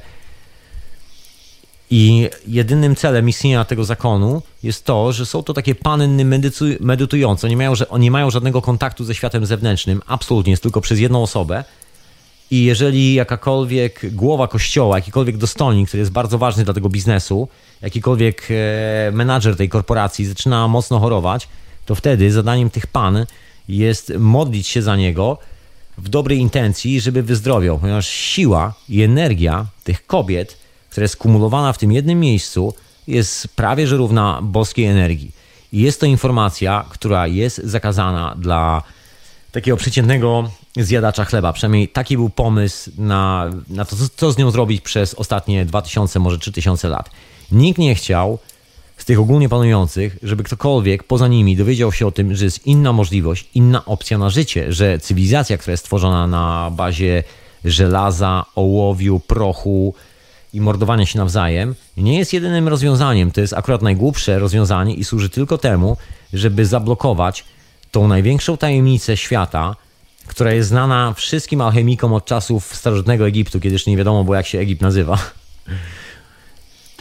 Czyli tajemnicę jednego zunifikowanego pola i możliwość wytwarzania wszystkiego, tego, że my jesteśmy bogami, żeby to wszystko zatrzymać w tajemnicy, żeby nie było tak, że koleś, do którego przychodzisz po kasę i mówisz, przyszedłem pod podatki, patrzy na się jak na wariata, mówi, synku, to ja się mogę zapytać ciebie teraz, gdzie są moje pieniądze, to ty mi daj swoje podatki, bo jesteśmy równi sobie.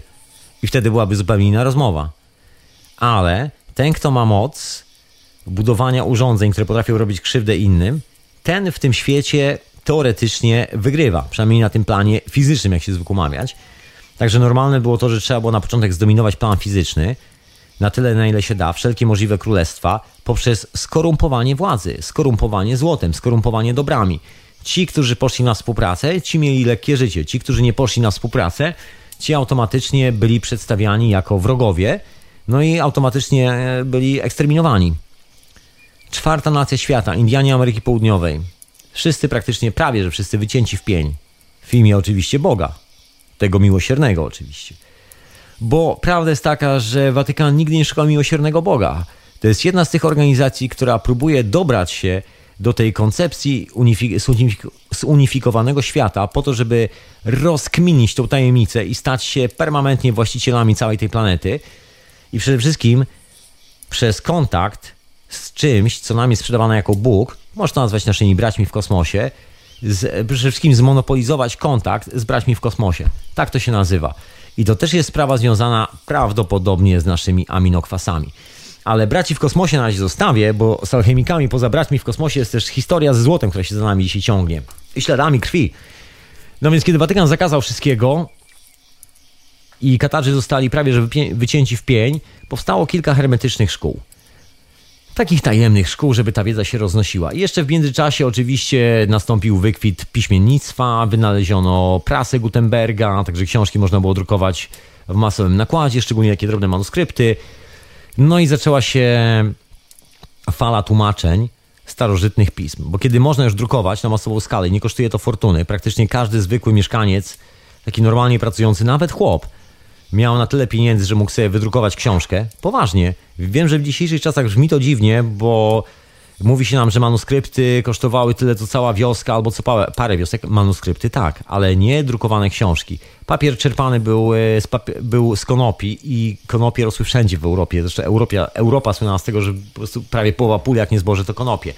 Właśnie takie przemysłowe do robienia papieru, do robienia lin, materiałów, ciuchów i tak dalej ale myślę, że każdy, kto się interesuje konopiami, doskonale o tym wie, jak popularne były kiedyś. I książki drukowano na najtańszym papierze, jaki można było wymyślić, a jednocześnie najlepszym, czyli papierze konopnym. Jest to papier, który nie ulega zniszczeniu, nie chce się za bardzo rwać, wytrzymuje wilgoć, wytrzymuje wszystko. Prawie wszystko. Barwniki roślinne, robione za pomocą kasztana, klejów naturalnych itd., tak itd. Tak Barwniki, które nigdy nie wyblakną. No i te manuskrypty były drukowane na tych drewnianych prasach, takie bardzo proste, nie wiem, parostronicowe, trzydziestostronicowe, czasami prace były dosłownie dwu, może jednostronicowe i zaczęły krążyć po Europie. No i zaczęto szukać prastarej wiedzy i okazało się, że owi niewierni, jak dzisiaj ich Watykan nazywa, czyli muzułmanie, zachowali część bibliotek aleksandryjskich i przetłumaczyli sobie to dawno, dawno temu na arabski. No i nastąpił renesans tłumaczeń z arabskiego. No i nagle pojawiło się kilka kabalistycznych dzieł. Właśnie, bo cała kabała tak naprawdę jest niczym innym jak częścią tekstu. Nie wiadomo jak dużą, jak małą, jest transkrypcją albo wersją starożytnego tekstu, która została troszeczkę zmanipulowana. Nie wiemy do jakiego stopnia, nie wiemy jaki był cel manipulacji. Ponoć jest tam jakiś szyfr, który, który jeżeli znasz ten szyfr, to możesz odszyfrować rzeczywiste znaczenie i tak dalej, i tak dalej. Ja myślę, że tam te znaczenia są dosyć mocno widoczne gołym okiem bo jest to taka praca alchemiczna, taki traktat pod tytułem Jak przysposobić siebie i otoczenie do zbudowania czegoś takiego jak święty Graal. No i w pewnym momencie okazało się, że właściwie linia rodowa krwi to jest jedno, a umiejętności alchemików to jest drugie. No i powstało kilku alchemików, którzy potrafili zrobić złoto, o czym wspominałem. I jak się okazało, jedynym miejscem takim bezpiecznym dla części alchemików okazało się porzucenie, porzucenie wiary Katarów, bo ona została kompletnie zakazana i przejście na jedyną akceptowalną przez Watykan inną wiarę w Europie, czyli na judaizm, bo Żydzi się dogadali z Watykanem w tym czasie. No i na terenie kilku księstw, które uczestniczyły w wojnie 30-letniej, powstało kilka get, w których zamieszkała ludność, która wyznawała inną e, wersję tego Boga. I ta ludność, jako że już nie była pod patronatem Watykanu i kwestia, że alchemia jest zakazana i grozi śmiercią i że jest to grzech, zupełnie nie dotyczyła tej populacji, tam zaczęto eksperymentować i tam ta wiedza zaczęła spokojnie wracać. Tym bardziej, że właśnie tam się pojawił budżet na to, żeby to wróciło.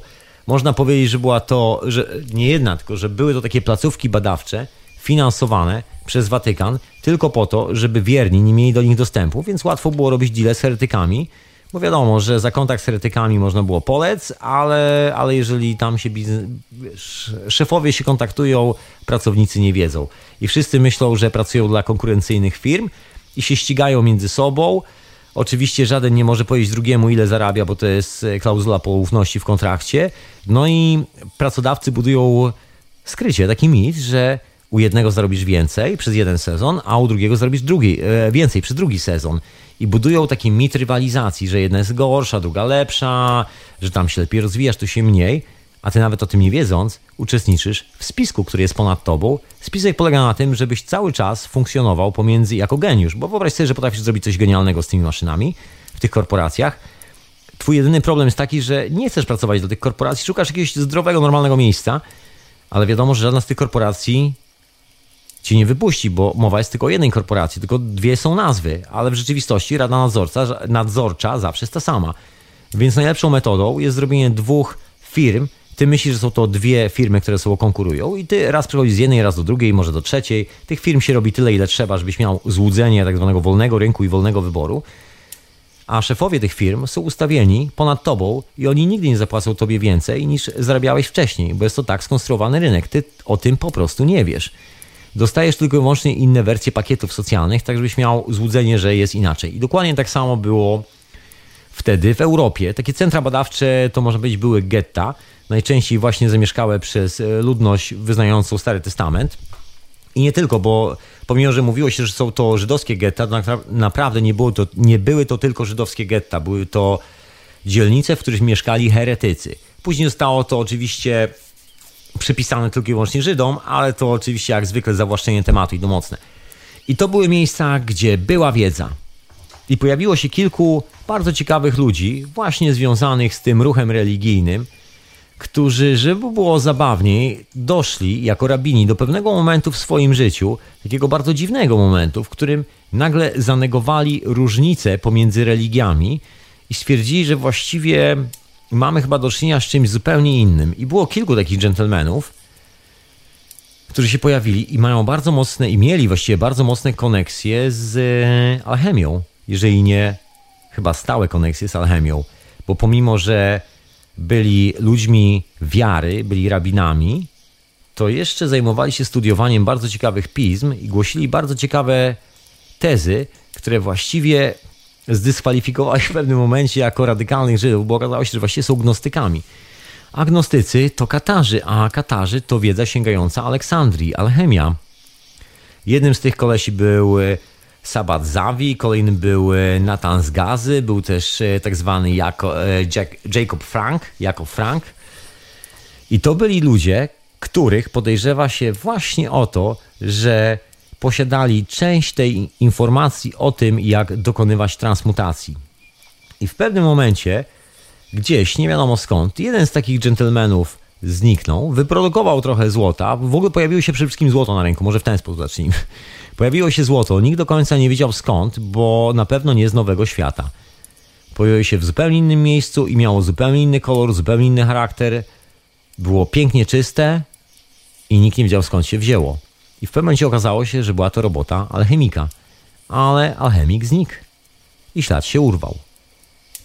I w pewnym momencie, gdzieś tam w zupełnie innym miejscu w Europie, w jednym z takich właśnie małych żydowskich get, malutkich get, gdzieś na terenie jednego z niemieckich księstw, które dzięki temu, że posiadało biblioteki i że ludzie tam byli wykształceni, zawarło układ z Watykanem i Watykan nie chciał ich ruszać, ponieważ było to zbyt cenne. To był zbyt duży potencjał intelektualny, żeby ich wszystkich orać, bo wiadomo, że jak zaorają wszystkich, to skończy się kompletną porażką. Nigdy nie wiadomo, kto ma tą wiedzę i kto wyskoczy z tą wiedzą. To jest troszeczkę tak, jakbyś zniszczył, spalił całą swoją bibliotekę, wszystkie swoje książki, wszystkie informacje, które posiadasz, na temat czegokolwiek, licząc na to, że nikt na świecie nie będzie miał tej wiedzy, ale może się przeliczyć, bo może się okazać, że wcale nie masz jednej kopii. I Watykan wie, że nie posiada jednej kopii, że niektóre bardzo ważne dzieła mają więcej niż jedną kopię. I zawsze się tego obawiali, więc e, prostą metodą było utrzymywanie centrów badawczych, na które się wszyscy zgadzali. One były robione w taki sposób, żeby tam nikt nie miał z tym problemu. Wszystko elegancko spacyfikowane do konkretnych dzielnic w konkretnych miastach, chociażby w Hamburgu. Takim ciekawym miasteczku. I tam trafiła właśnie taka bardzo ciekawa wiedza, bardzo ciekawa. I tam też się pojawiło takie bardzo ciekawe nazwisko. O właśnie. Nazywało się Moses. Moses, który czcił Ra. Boga Słońca z Egiptu. Właśnie.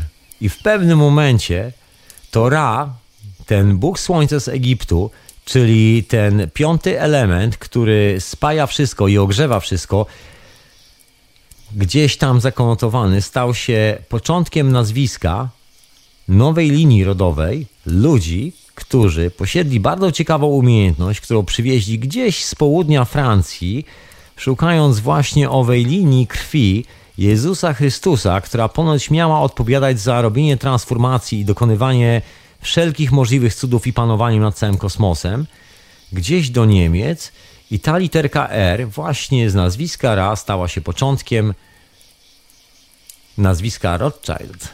Otóż to, dokładnie, Mose Kalman Rothschild, tak się nazywał ten gentleman i miał syna, który się nazywał Amschel Mose Rothschild. Rothschild. I to jest początek historii, która właściwie no, ciągnie się za nami do dzisiaj. Z tego, z tego co wiem, co donoszą, że tak powiem, wróbelki na dachu, wszystkie ptaki w okolicy ćwierkają. Rodzina Rothschildów, czyli banksterzy, bankierzy, właśnie teraz, dokładnie, po raz kolejny próbują wciągnąć. Teraz na przestrzeni najbliższych dwóch, trzech miesięcy będzie taka próba zrobienia kolejnego World Trade Center, zrobienia kolejnego zamachu. Prawdopodobnie będzie próba wysadzenia jakiegoś kościoła w Niemczech chrześcijańskiego przez jakichś islamskich wyznawców. Taki jest pomysł. Albo we Francji zrobienia zamachu terrorystycznego właśnie. Konflikt ma wyglądać dokładnie tak, że w białym, tak zwanym białym katolickim kraju, jedna z tych świętych, sakralnych dla owych wierzących ludzi budowli, najlepiej jedna z najstarszych, ma zostać wysadzona w powietrze w imię wyznawców jakiegoś innego Boga i to ma sprowokować wojnę. Taki jest pomysł Rothschildów na, ko na kolejne 3-4 miesiące. Ludzie, którzy wyznają islam, którzy są troszeczkę lepiej ogarnięci, jeżeli chodzi o informacje, co się dzieje na świecie, nie mają aż tak do końca wypranych mózgów. Nie wszyscy, chociaż sprzedaje się ich jako głupich, e, nieoczytanych, tępych wieśniaków, którzy pasą ko kozy wszędzie na świecie. Taka, taki jest wizerunek, jaki jest produkowany dookoła tych ludzi.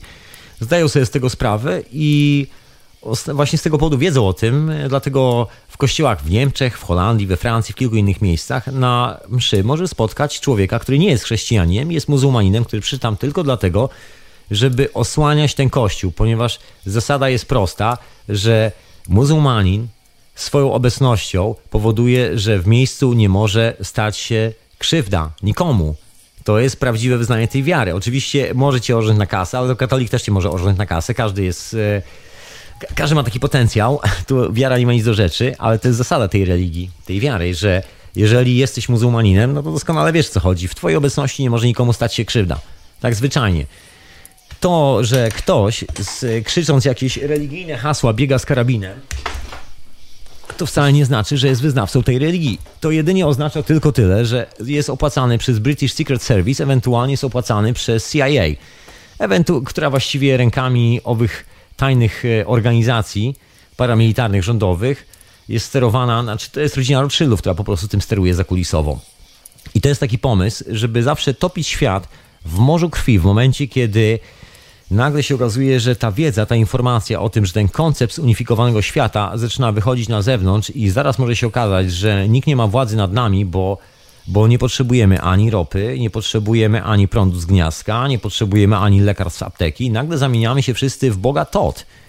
Wystarczy tylko część z nas się zamieni w Boga Todd i w tym momencie jakakolwiek wiara, jakakolwiek doktryna polityczna nie ma prawa istnieć, bo w tym momencie przeczy prawom naturalnym. Taka prosta historia. Także biznes jest dosyć prosty. Chodzi o to, żeby utrzymać to wszystko w tajemnicy. Ale opowieść o Rothschildzie, pomimo że, pomimo, że oczywiście jest tak tajemnicza i właściwie ciężko było znaleźć jakiekolwiek dowody papierowe na to, co się w rzeczywistości działo, jak wyglądała cała ta historia dawno temu, bo oczywiście wszystkie archiwa zostały wyczyszczone. Ma też, e, ma też drugą, drugą historię. O co w tym chodzi? O jedną fajną sprawę. Została opisana w jednej ciekawej książce. Książce napisanej przez dżentelmena, który żył dokładnie w czasach, w których żył, e, żyło to pokolenie Rothschildów, które właśnie zaczęło konsumować owo złoto. I ten gentleman doskonale o tym wiedział. Wiedział, co za tym stoi, bo też się zajmował nauką i też właściwie był alchemikiem i spędził 30 lat badając zjawiska transmutacji w zakresie, nie wiem, zjawisk optycznych. Nazywał się Goethe. Bardzo ciekawy gentleman, bardzo ciekawy. No tak, e, znowu las w nocy, radio na fali, hiperprzestrzeń. Ja próbuję postawić do kupy historię, która jest tak długa, sięga paru życiorysów, a już oczywiście zrobiłem jeden błąd, który sobie w notatkach znalazłem. Oczywiście. Właśnie, z tym miastem oczywiście, bo chodziło o troszeczkę inne miasto, ale już ci wszystko wyjaśniam, człowieku, już ci wszystko tutaj mówię, co i jak. Z tym ciekawym gentlemanem. Może takie po prostu konkrety. Słuchaj, pewnego razu pojawia się gentleman, który twierdzi, że produkuje złoto, że wie jak to zrobić. Mówi, że jest już e, nieśmiertelny, bo tak jest prawda. Jeżeli wiesz jak zrobić jedną rzecz, to wiesz jak zrobić drugą rzecz. Posiada niezłą wiedzę, właściwie wiedzą, wiedzę, która, która po prostu miażdży. Pojawia się i znika. Jest około 1500 rok. W ogóle gentleman ma ciekawe imię, bo właściwie nazywa się, a tak żeby było zabawniej, z angielskiego, staroangielskiego, nazywa się Born of Tot, czyli dziecko Tota czyli e, Todd Moses. Tak to się tak to się po prostu nazywało. I ten gentleman właśnie zmienił swoje nazwisko na Rothschild. I to był jakiś, jakiś późny 1500 rok, jakoś tak, koniec stulecia i znika, i znika. Właściwie nikt nie wie o co chodzi i co i jak, ale właśnie nikt nie wie właściwie skąd gentleman się wziął. To też jest w ogóle ciekawa sprawa. ale lećmy dalej do tej historii, bo Później pojawia się coś bardzo ciekawego. Pojawia się gentleman, już o, o nazwisku właśnie Rothschild, który kupuje dom w takim ciekawym miejscu w Niemczech, w, jednym z, w jednej z takich dzielnic, w jednym z takich miast, we Frankfurcie, dokładnie, nie w Monachium, przepraszam, pomyliło mi się. Chodzi o Frankfurt, oczywiście, w Niemczech. I zajmuje się wymianą e, waluty, handlem materiałami, takimi do szycia, żeby było zabawniej. Właściwie zajmuje się handlem materiałami używanymi. Czyli taki, no nie, ciężko było nazwać jakimś wielkim, takim e, poważnym biznesem, ale gentleman ma po prostu, no, jak mówią legendy, talent do obracania pieniędzmi. Ten talent polega na tym, że zawsze robi pieniądze, że bierze jakąś, e, jakąś walutę, dostaje jakieś monety i później zawsze ma tych monet więcej Dokładnie z tego samego złota. Troszeczkę tak jakby pomnażał złoto. Wszyscy się śmieli, że pomnaża złoto, ale śmiać się nie śmiać. Gentleman prawdopodobnie, mniej lub bardziej, zależy co chcesz wierzyć, pomnażał sobie to złoto. I robił to w ciekawy sposób, którego nikt nie znał. I pewnego razu się okazało, że tego złota już jest dużo. Nagle się okazało, że właściwie jest w zainteresowaniu książąt e, lokalnych, bo właściwie potrafi zaoferować dowolną sumę. Ale jeszcze to był moment, kiedy cała ta wiedza była dosyć mocno schowana i skrywana i podejrzewam, że gentleman ów nie chciał wyskakiwać z taką dużą ilością złota. Myślę, że było produkowane, bo tak to wygląda. Były produkowane duże zapasy, była szlifowana receptura na to, jak szybciej wyprodukować jeszcze więcej i w, w taki tajemniczy sposób, żeby nikt nie złapał, jak to zrobić. No i tak też się prawdopodobnie stało. Chwilę później dzieci tego gentlemana stają się właścicielami kamienicy, a jego synowie stają się, nie tylko kamienicy, stają się właścicielami potężnej fortuny po ojcu. Ojciec umiera, zostawiając pięciu synów, zdaje się chyba jedną córkę. Nie pamiętam już dokładnie, jak wygląda całe losy rodziny Rothschildów, bo chodzi właściwie o produkcję złota, a nie o rodzinne historie. I zostawia po sobie synów. Synowie prawdopodobnie znają recepturę. Prawdopodobnie. bracia. I doskonale dalej sobie radzą z produkcją złota. I to jest taki zabawny moment, że umiera stary człowiek, nowy się pojawia na horyzoncie, mija parę lat i grupa, nie wiem, paru ludzi, się co, bracia, posiadający jedną kamienicę, sprzedający trochę materiałów, żeby sobie poszyć ubrania i zajmujący się wymianą waluty w, w żydowskiej dzielnicy we Frankfurcie, nagle stało się właścicielami bajońskiej fortuny. Fortuny, która od razu przykuwała uwagę lokalnego księcia i nie tylko jego. Fortuny tak potężnej, że dosłownie w ciągu, no nie wiem, jak z poniedziałku na wtorek otwiera im drzwi do wszystkich możnych rodów w Europie. I okazuje się, że oczywiście oprócz tego, że otwiera do tych możnych rodów drzwi, to jeszcze wrzeniają się panowie w te możne rody, żeby nie było, że później zostaną wykiwani z interesu. I tak oto na kilku królewskich stołach w Europie ląduje zawrotna ilość złota. Złota, którego nigdy wcześniej nie widziano. Ciekawa historia. I to złoto służy tylko i wyłącznie jednemu celowi – żeby robić wojny i produkować jeszcze więcej tego złota dla tych, którzy muszą kupić broń. Bo to złoto się pożycza pod zastaw, pod państwa, pod place, pod budynki, pod prawo, pod wszystko. Koniec końców, bo nie chcę tu opowiadać historii rodziny e, Rothschildów, bo nie o tym jest ta audycja. I tak ta historia jest tak zagmatwana, że to uhu, hu, ciężko było opowiedzieć w jednym odcinku. Zresztą, co mnie, co mnie obchodzą ci ludzie? Ja mam swoją własną rodzinę, swoją własną historię, także zostałem przy tym. Tutaj jest tylko alchemiczna sprawa, która nas interesuje.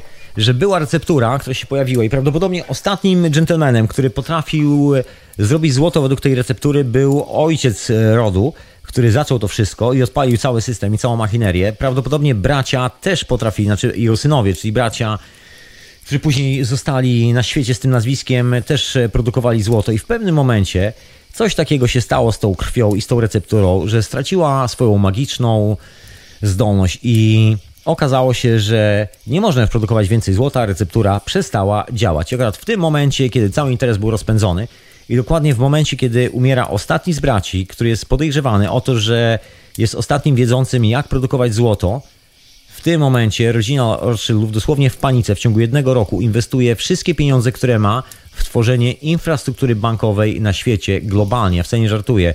To były początek 1800, nie wiem, 15, 30 rok, czy jakoś, czy może trochę później, no mniejsza o to, jakieś takie lata, to wszystko się działo dosłownie w ciągu jednego roku, żebym sobie przypomniał, 1868, mam nadzieję, że się nie pomyliłem, ale sprawdź sobie w datach, dokładnie rok założenia banku w Japonii, w kilku innych miejscach. Nagle wszystko się zmienia. Nagle ta rodzina staje się rodziną bankierów. Znaczy, oni zawsze byli rodziną bankierów. Inna sprawa, że wcześniej Właśnie na co poszła ta fortuna, bo to też jest taka ciekawa historia, że te złoto, które zostało wyprodukowane przez rodzinę Rothschildów, zostało w ciekawy sposób wydane. Pierwsza część tego złota została pożyczona Napoleonowi, który został poproszony o zrobienie wojny w Europie. A to już w ogóle osobna historia, rewolucja francuska. Też kiedyś opowiem, bo to, to ma bardzo dużo wspólnego z właśnie z wiarą tak zwaną gnostycką, z wierzeniami ze starożytnego Egiptu. Zresztą nie przez przypadek rewolucja francuska kończy się właściwie przejęciem władzy przez Bonaparte i to w bardzo dziwny sposób. Pamiętaj, że Bonaparte zawsze walczył z royalistami, czyli z tymi, którzy wyznawali kult króla we Francji i w ten oto sposób zasłynął i dosłużył się swoich honorów i w taki oto sposób został cesarzem republiki. Ale cesarzem republiki został po tym, jak wylądował w Egipcie i spędził tam troszeczkę czasu, bo to też nie przypadek, że wylądował w Egipcie. Dookoła nad nami krąży duch niejakiego Newtona, który był alchemikiem i mówiłem, że wspomnę o tych zasadach, to wspomnę. Newton nie sformułował żadnych zasad. Newton, sformu... Y, Newton tylko opisał pewne zależności i, co zabawniejsze, stwierdził, że wszystko spada na dół i wygląda jakby było prawo dynamiki, które jest jedno prawo dynamiki, które obowiązuje zawsze w dół. Ale to nie jest wszystko, to jest tylko połowa zjawiska. I to zdanie jest w jego pracach, że on opisuje, że to jest tylko połowa zjawiska i to jest ta najmniej istotna, bo jest ta druga część energii, która podtrzymuje jabłko na drzewie. Przez o wiele dłuższy okres czasu niż ten okres, kiedy ono spada. I to jest ta mocniejsza siła. I on ciągle szukał wejścia, jakiejś, jakiejś bramki, jakiegoś klucza, żeby móc się dobrać dokładnie do kamienia filozoficznego. Z tego, co niosą słuchy, nigdy mu się to nie udało. Brytyjski, e, brytyjski dwór w ogóle bardzo mocno zabiegał właśnie o alchemików przez około 300-200 lat, jeżeli nie dłużej, którzy potrafią produkować złoto w celu uniezależnienia się od Watykanu. Taki cichy plan. Nie udało się chyba do końca nigdy, bo ani John Dee ani wielu innych nigdy tego nie zrobili. O ile nawet brytyjskie królestwo weszło w posiadanie, znaczy rodzina królewska, czy jeszcze tajne organizacje masońskie, różokrzyżowcy, weszli w e, posiadanie Arki Przymierza lub cokolwiek to jest, wywiezionego właśnie z Jerozolimy albo z Egiptu, nie wiadomo, to i tak prawdopodobnie nie mogli tego odpalić. W ogóle historia Anglii wygląda bardzo zabawnie, bo jest to kraj prawdopodobnie założony przez e, zbuntowanych różokrzyżowców, którzy się przerazili, że pewnego dnia spotka ich ta sama historia, która spotkała ich poprzedników w Europie. Zostaną pewnego dnia na rozkaz króla wycięci, bo się okaże, że będą zbyt blisko tajemnicy, która daje im wieczne życie i permanentną wiedzę, przez co Watykan może podupaść. Także trzeba szybciutko ich usunąć, przejąć ich biblioteki, przejąć ich dobra, szukając przede wszystkim nie złota, tylko manuskryptu. Złota szukali tylko biedni ludzie. Ci, którzy wiedzieli, czego szukać, szukali papieru, na którym jest zapisane, jak to złoto robić. Bo złoto samo w sobie nie ma żadnej wartości. Wartość ma wiedza, jak je produkować. I tą wiedzę posiadła rodzina Rothschildów i złoto, które produkowali, było pożyczane jednocześnie Królestwu Anglii i Napoleonowi, tylko po to, żeby jedni i drudzy mieli za co prowadzić wojnę. Na potężny zresztą procent. No i dzięki temu ta rodzina zrobiła pieniądze. Ustawiła się w taki sposób, że ktokolwiek by nie przegrał i ktokolwiek by nie wygrał, oni zawsze byli wygrani. Oni byli tą formacją pośrodku, tą finansową formacją, która sponsoruje wszelkie możliwe karabiny, produkcję prochu, amunicji, statki, żołd dla żołnierzy, produkcję jedzenia. I powoli rodzina Rothschildów postanowiła przejść właśnie do tego segmentu biznesu i zająć się produkowaniem wojen. Zresztą dokładnie tym samym się do dzisiaj zajmują. Możesz się ze mną nie zgadzać, to już twoja sprawa. Ja twierdzę, że są to ludzie personalnie odpowiedzialni za World Trade Center. To są ludzie, którzy poznali tajemnicę, poznali to, co w alchemii jest nazywane kwintesencją dawno, dawno temu. A czy może nie oni, może nie rodzina jako rodzina. Członkowie tej rodziny setki lat temu poznali tę tajemnicę, kilku członków. Na tym y, właśnie została zbudowana ta wielka fortuna. Stąd się wzięło to złoto, które nagle powstało w przeciągu dosłownie 15-10 lat. Poważnie, wyobraź to sobie w takiej prawie postśredniowiecznej Europie, początek oświecenia, koleś, który zajmuje się handlowaniem suknem i to jeszcze używanym i wymianą takich walut, co wymieniał holenderskie guldeny na niemieckie dukaty, to chyba nie za dużo można zarobić. Nagle staje się właścicielem gigantycznej fortuny. W ogóle dziwne jest jego pojawienie się w, we Frankfurcie. W momencie, kiedy się pojawia, kupuje jeden e, z no, nie najtańszych domów dzielnicy, który stoi właśnie na graniczu dzielnicy, jest taki właśnie z daleka, troszeczkę na uboczu. I domek jest piękny i wcale nie jest tani. I nagle człowiek znikąd się pojawia z dziwnym nazwiskiem, Todd Moses, i kupuje potężną kamienicę. Robi tam sklep, który nigdy nie zarabia na kamienicę w sumie. Chociaż wtedy nie było takich podatków, to jest inna sprawa. I 15-20 lat później ta rodzina jest nie do poznania. Ta rodzina jest największymi posiadaczami złota, największymi bankierami w tej części świata. Ludźmi, którzy pożyczają pieniądze królom na prowadzenie wojen, na robienie wypraw. Wow, ciekawe, jak to możliwe, że w ciągu tak krótkiego czasu zarobiono tak potężne pieniądze? Są gdzieś wyliczenia w internecie, znaczy nie wyliczenia, są oryginalne dane, oryginalne sumy, jak dużo pieniędzy zostało pożyczone Napoleonowi i jak dużo zostało pożyczone Królestwu Anglii potężne kwoty. Były to tak duże kwoty, które. Przepraszam, to jest. Ops. Były to tak potężne kwoty, których nikt nie był sobie w stanie wyobrazić w ówczesnych czasach i właściwie niewiadomego pochodzenia, bo rodzina Rothschildów właściwie nie zajmowała się podróżowaniem do Nowego Świata, do Nowego Lądu i odkrywaniem i zabieraniem złota Indianom. Nie, nie, oni mieli złoto z innego źródła.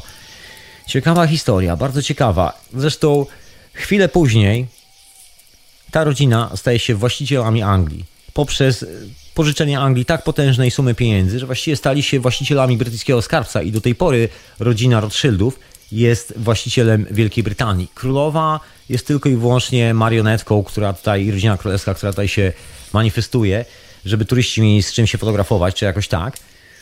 I do tego się to sprowadza. Natomiast rzeczywiste decyzje stoją zupełnie gdzie indziej. I te pieniądze, które tutaj przyszły gdzieś tak w 1800 którymś tam roku z e, wielką pożyczką, gdzie zmieniono w ogóle, zdenominowano funta, zmieniono w ogóle zasady, zmieniono wszystko, te pieniądze stanowiły podstawę budowy Imperium Brytyjskiego.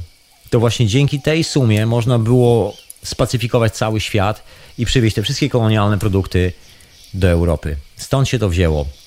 Ktoś musiał finansować wojny opiumowe. Nie był to nikt inny jak dokładnie ta rodzina, która pożyczała na zawołanie dowolną ilość złota. To był fenomen w ówczesnych czasach, bo wyobraź sobie, że teraz przychodzisz do na przykład jubilera i mówisz mu, słuchaj, chciałbym mieć na przykład za miesiąc dwie tony złota. To jest fizycznie niemożliwe, a wtedy takie rzeczy się działy.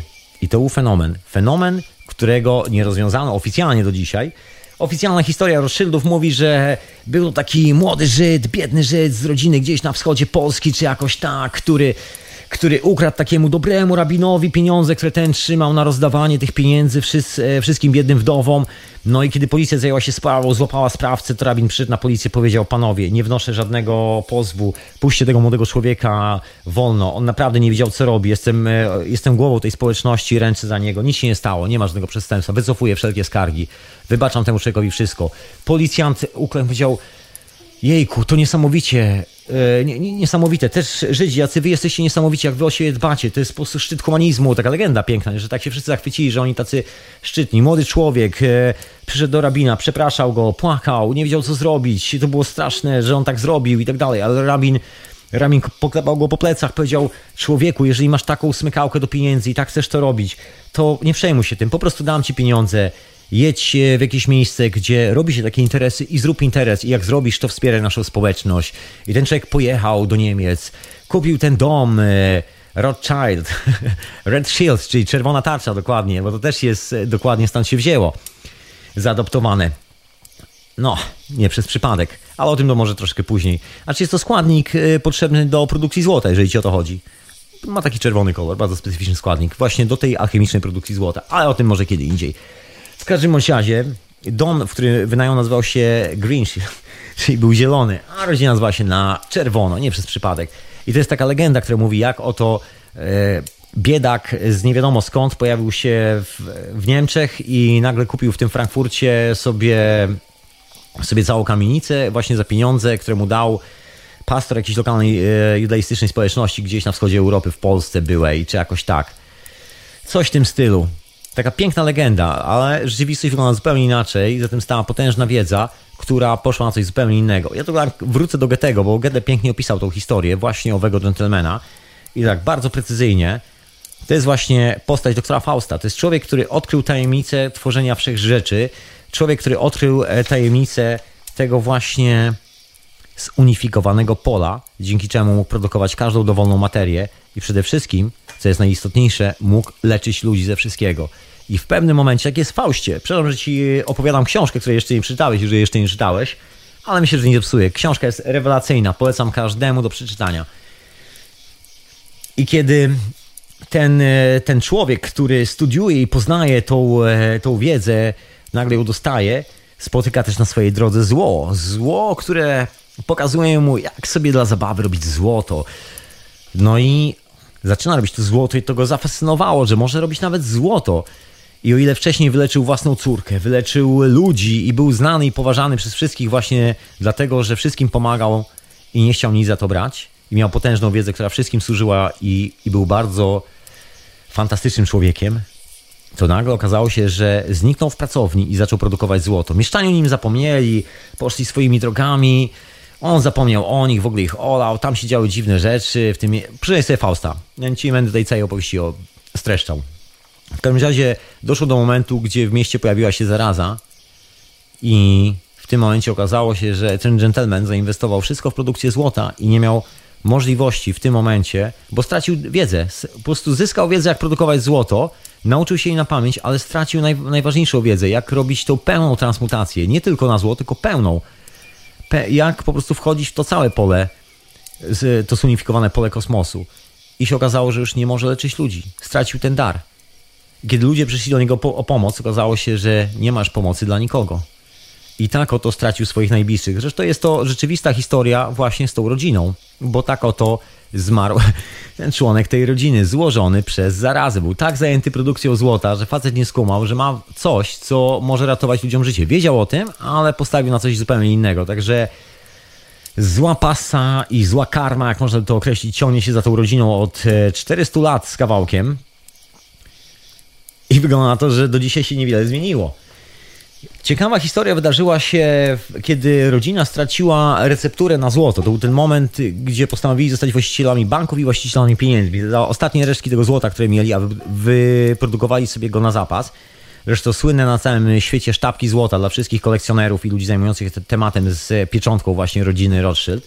Rothschild to zawsze jest to samo. Taka charakterystyczna sztabka złota, taka mała kwadratowa, ta historyczna, legendarna, którą skorumpowano cały świat i wyprodukowano tyle wojen i przelano tyle krwi, że się w głowie człowieka w ogóle żadnego nie zmieści. Nawet wszystkich nas się nie zmieści w głowach.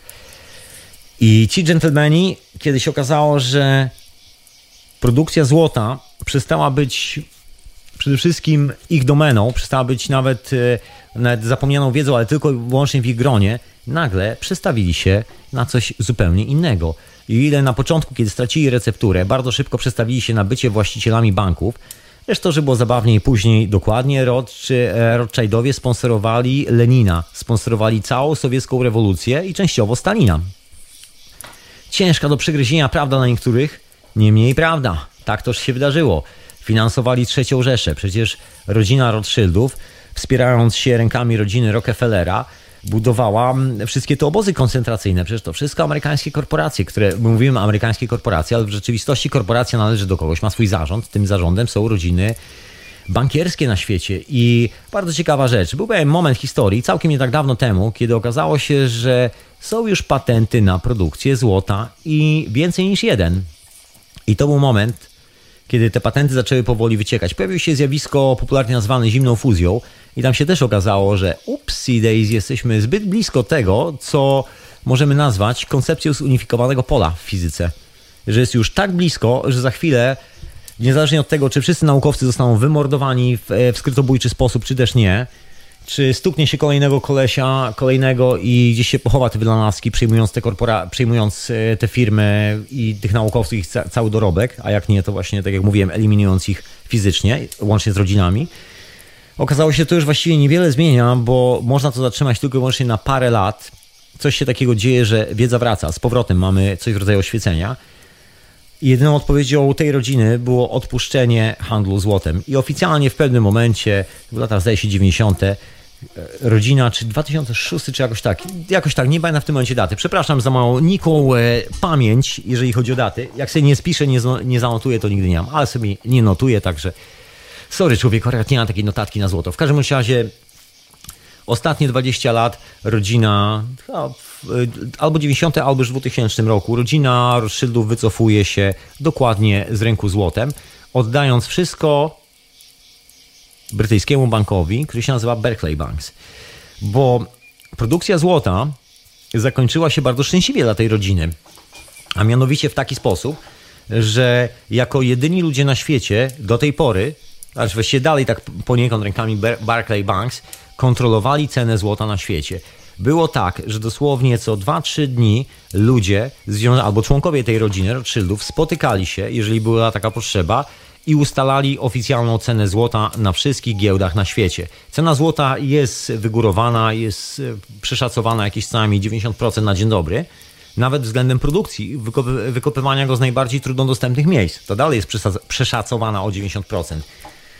Ale niewiele to zmienia w sytuacji, kiedy ludzie, którzy mają monopol na to złoto, ustalają cenę tego złota. W tym momencie to ich zupełnie nie obchodzi. Także przez y, około 200 lat rodzina Rothschildów osobiście sprawowała kontrolę nad ceną złota na całym świecie i nad kursem wymiany złota na wszelkie możliwe waluty. To oni decydowali o wszystkim.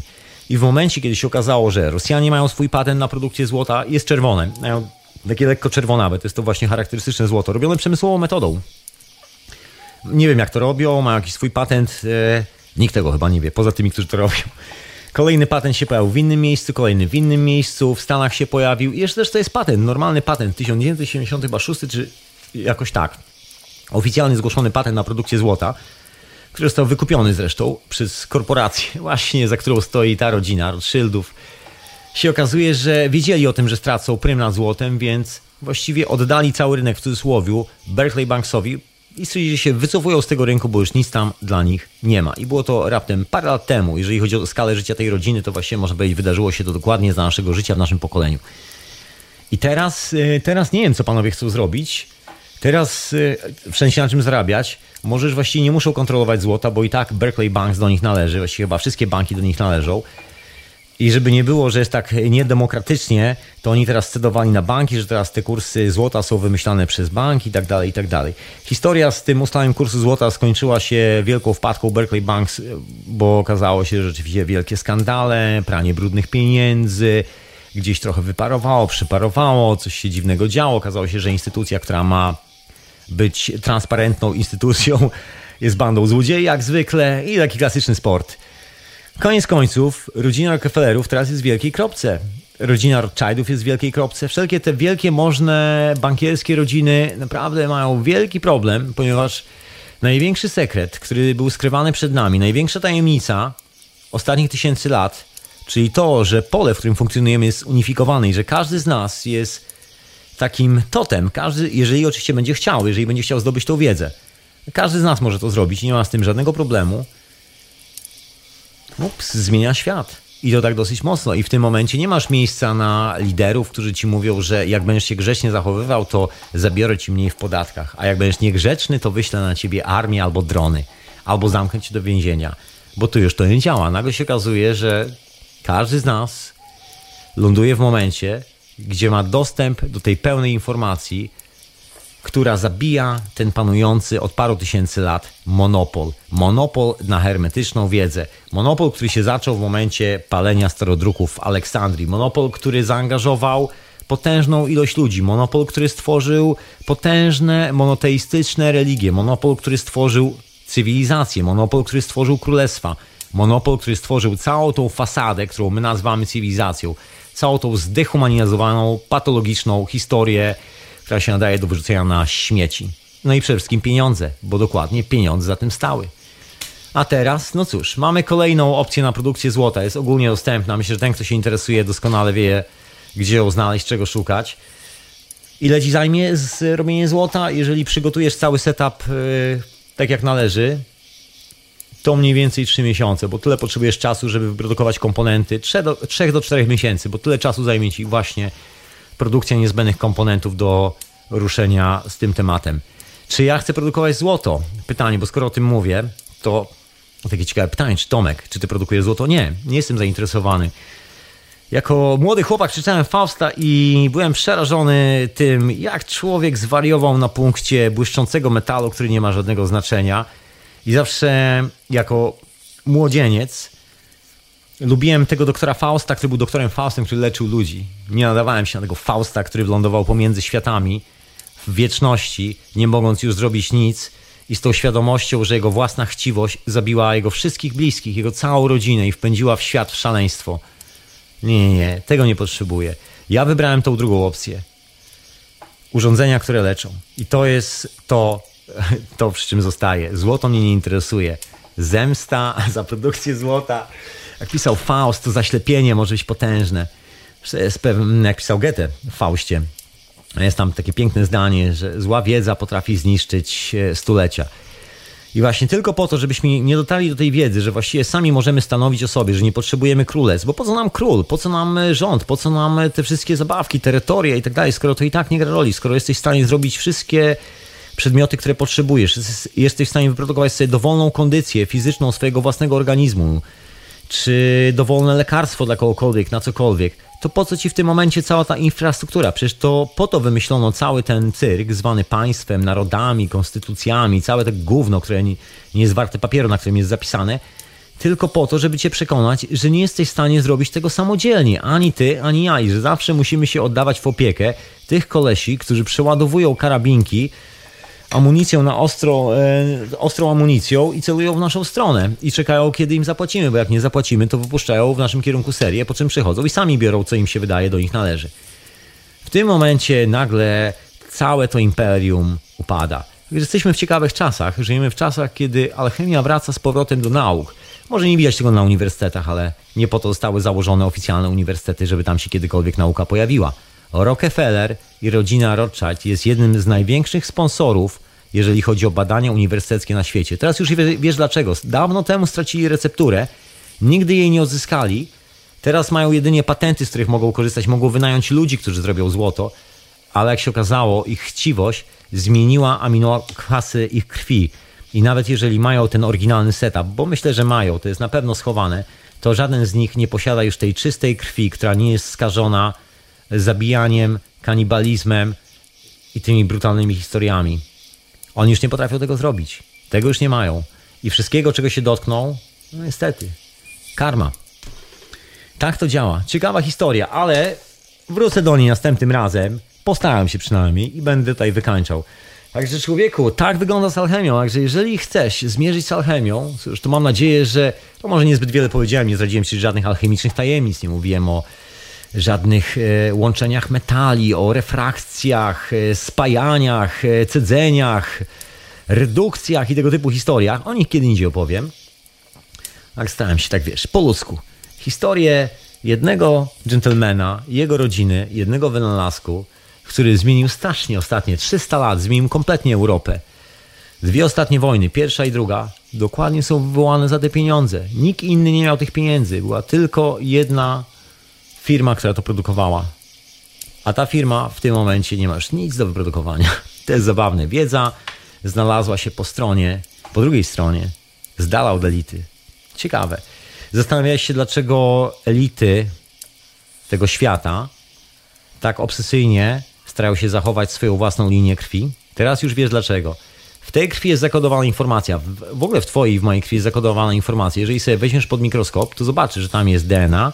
Pod DNA znajduje się jeszcze kod RNA. Pod RNA znajduje się tak zwane RNA2 i wygląda na to, że są jeszcze pozostałe sekwencje kodu, które dla mnie jeszcze nie są zbyt jasne, zbyt widoczne, ale widać, że tam coś jest. Tak, tak mówią oficjalne badania aktualne, nawet z tych finansowanych przez Rothschildów i Rockefellerów uniwersytetów. Jasno i wyraźnie, że to nie jest wszystko, że jest potężna informacja i w tej informacji jest zapisane coś specjalnego, coś, co spaja świat. My jesteśmy na to wygląda tym totem. To my mamy w sobie ten boski element i jest on związany bardzo mocno z naszą krwią. No też nie przez przypadek legendy o świętym gralu, o pucharze, z którego wypijasz, cokolwiek nie, wypijesz tego pucharu, automatycznie czyni ci nieśmiertelnym, bo ten puchar ma właściwości zmieniania substancji na troszeczkę inną niż e, jakakolwiek istniejąca dookoła. Ciekawe, prawda? To co, to wrócimy do alchemików, bo myślę, że jest to fascynująca wyprawa i fascynująca przygoda. Potaplać się trochę w tych opowieściach. I co, do następnego razu. Zatem dzięki Ci wielce za wysłuchanie tej mojej troszkę pomieszanej historii, bo to zawsze mam problem, żeby te wszystkie fakty historyczne składać do kupy. Ale wiesz, taki umysł, latam w to i w tamtą. Także dzięki Ci człowieku za cierpliwość i wysłuchanie tej opowieści. Zapraszam na kolejną hiperprzestrzeń, gdzie możesz usłyszeć podobne historie albo rozwinięcie tej historii, bo naciągnie się dalej i ma kilka bardzo ciekawych aspektów dotyczących kilku zakazanych książek, kilku różnych wydarzeń, które no, jak się okazało, było czymś zupełnie innym niż to, jak się je opisuje w książkach historycznych. I są na to nawet dokumenty. Także zapraszam na kolejną hiperprzestrzeń. W przyszłą sobotę, a przy okazji jeszcze raz wielkie dzięki mecenasie i mecenasko Radio na Fali za wspieranie, pomimo, że mamy niesprawne archiwa na stronie. Ale wielkie dzięki. Namaste, ser. Natomiast wszystkich tych zainteresowanych alchemią, w cudzysłowie, chociaż właśnie już e, można chyba zdjąć ten cudzysłów, po, cudzysłów powoli, zainteresowanych troszkę bardziej praktycznie, zapraszam do siebie na czwartek do syntezy, gdzie opowiadam o takim już współczesnym wymiarze alchemii, o tym jak to się odradza, jak sobie budować urządzenia, właśnie między innymi te medyczne, którym ja się zajmuję, czytając po drodze czasami fragmenty doktora Fausta, kiedy jeszcze nie zeszmaciał i nie sprzedał się korporacji. Myślę, że mi już to nie grozi, ja przyszedłem tą drogę z drugą stronę. Pierw, pierw tam byłem i stamtąd uciekłem doktor Faust y, natomiast y, chyba marzył o tym, żeby wylądować w korporacji, na końcu wylądował. ja natomiast uciekłem stamtąd już dawno. I ty pewnie też. To co? To jakby co, to się spotykamy w czwartek na troszkę praktycznych zajęciach z alchemii. Takiej już dzisiejszej alchemii, która właśnie jest odpowiedzią na tą koncepcję unifikacji pola, że dzięki tej wiedzy możesz sobie robić cokolwiek chcesz, jeżeli wiesz jak tym operować. Także to już czwartek o godzinie 23, 22.30 e, polskiego czasu dokładnie. A ja dziękuję jeszcze raz serdecznie za wysłuchanie mojego gadania i do usłyszenia w następnej hiperprzestrzeni i zapraszam Cię na wieczorową porę, tu i teraz do Radia na Fali. I przypominam, że w środek książę Edward, który ma już tyle opowieści, że ja to chyba się przykleję do tego głośnika, z kilka ciekawych opowieści. Słyszałem kawałki, jakby tu u mnie opowiadał mi, czekam na rozwinięcie w audycji. O, tyle powiem. Także pozdrawiam książę, pozdrawiam. I pozdrawiam jeszcze Michała, który prowadzi nieustraszone teorie chaosu, która z kolei w piątek o godzinie 12, czyli wczoraj, możecie ściągnąć z radia Paranormalium. Pozdrawiam serdecznie, Messier Ivelios. No i pozdrawiam Ciebie, słuchaczko i słuchaczu, słuchający tego offline, nie będący tu żywo. I pozdrawiam Ciebie, latające istoto dookoła mnie. Mam tu coś, co lata dookoła mnie. Fajne jest. Cześć. Jak się lata? Fajnie? Super. Ekstra, se poleciał. To co, to ja kończę na dzisiaj i zapraszam y, na następny odcinek. Słuchałeś hiperprzestrzeni w radiu na fali.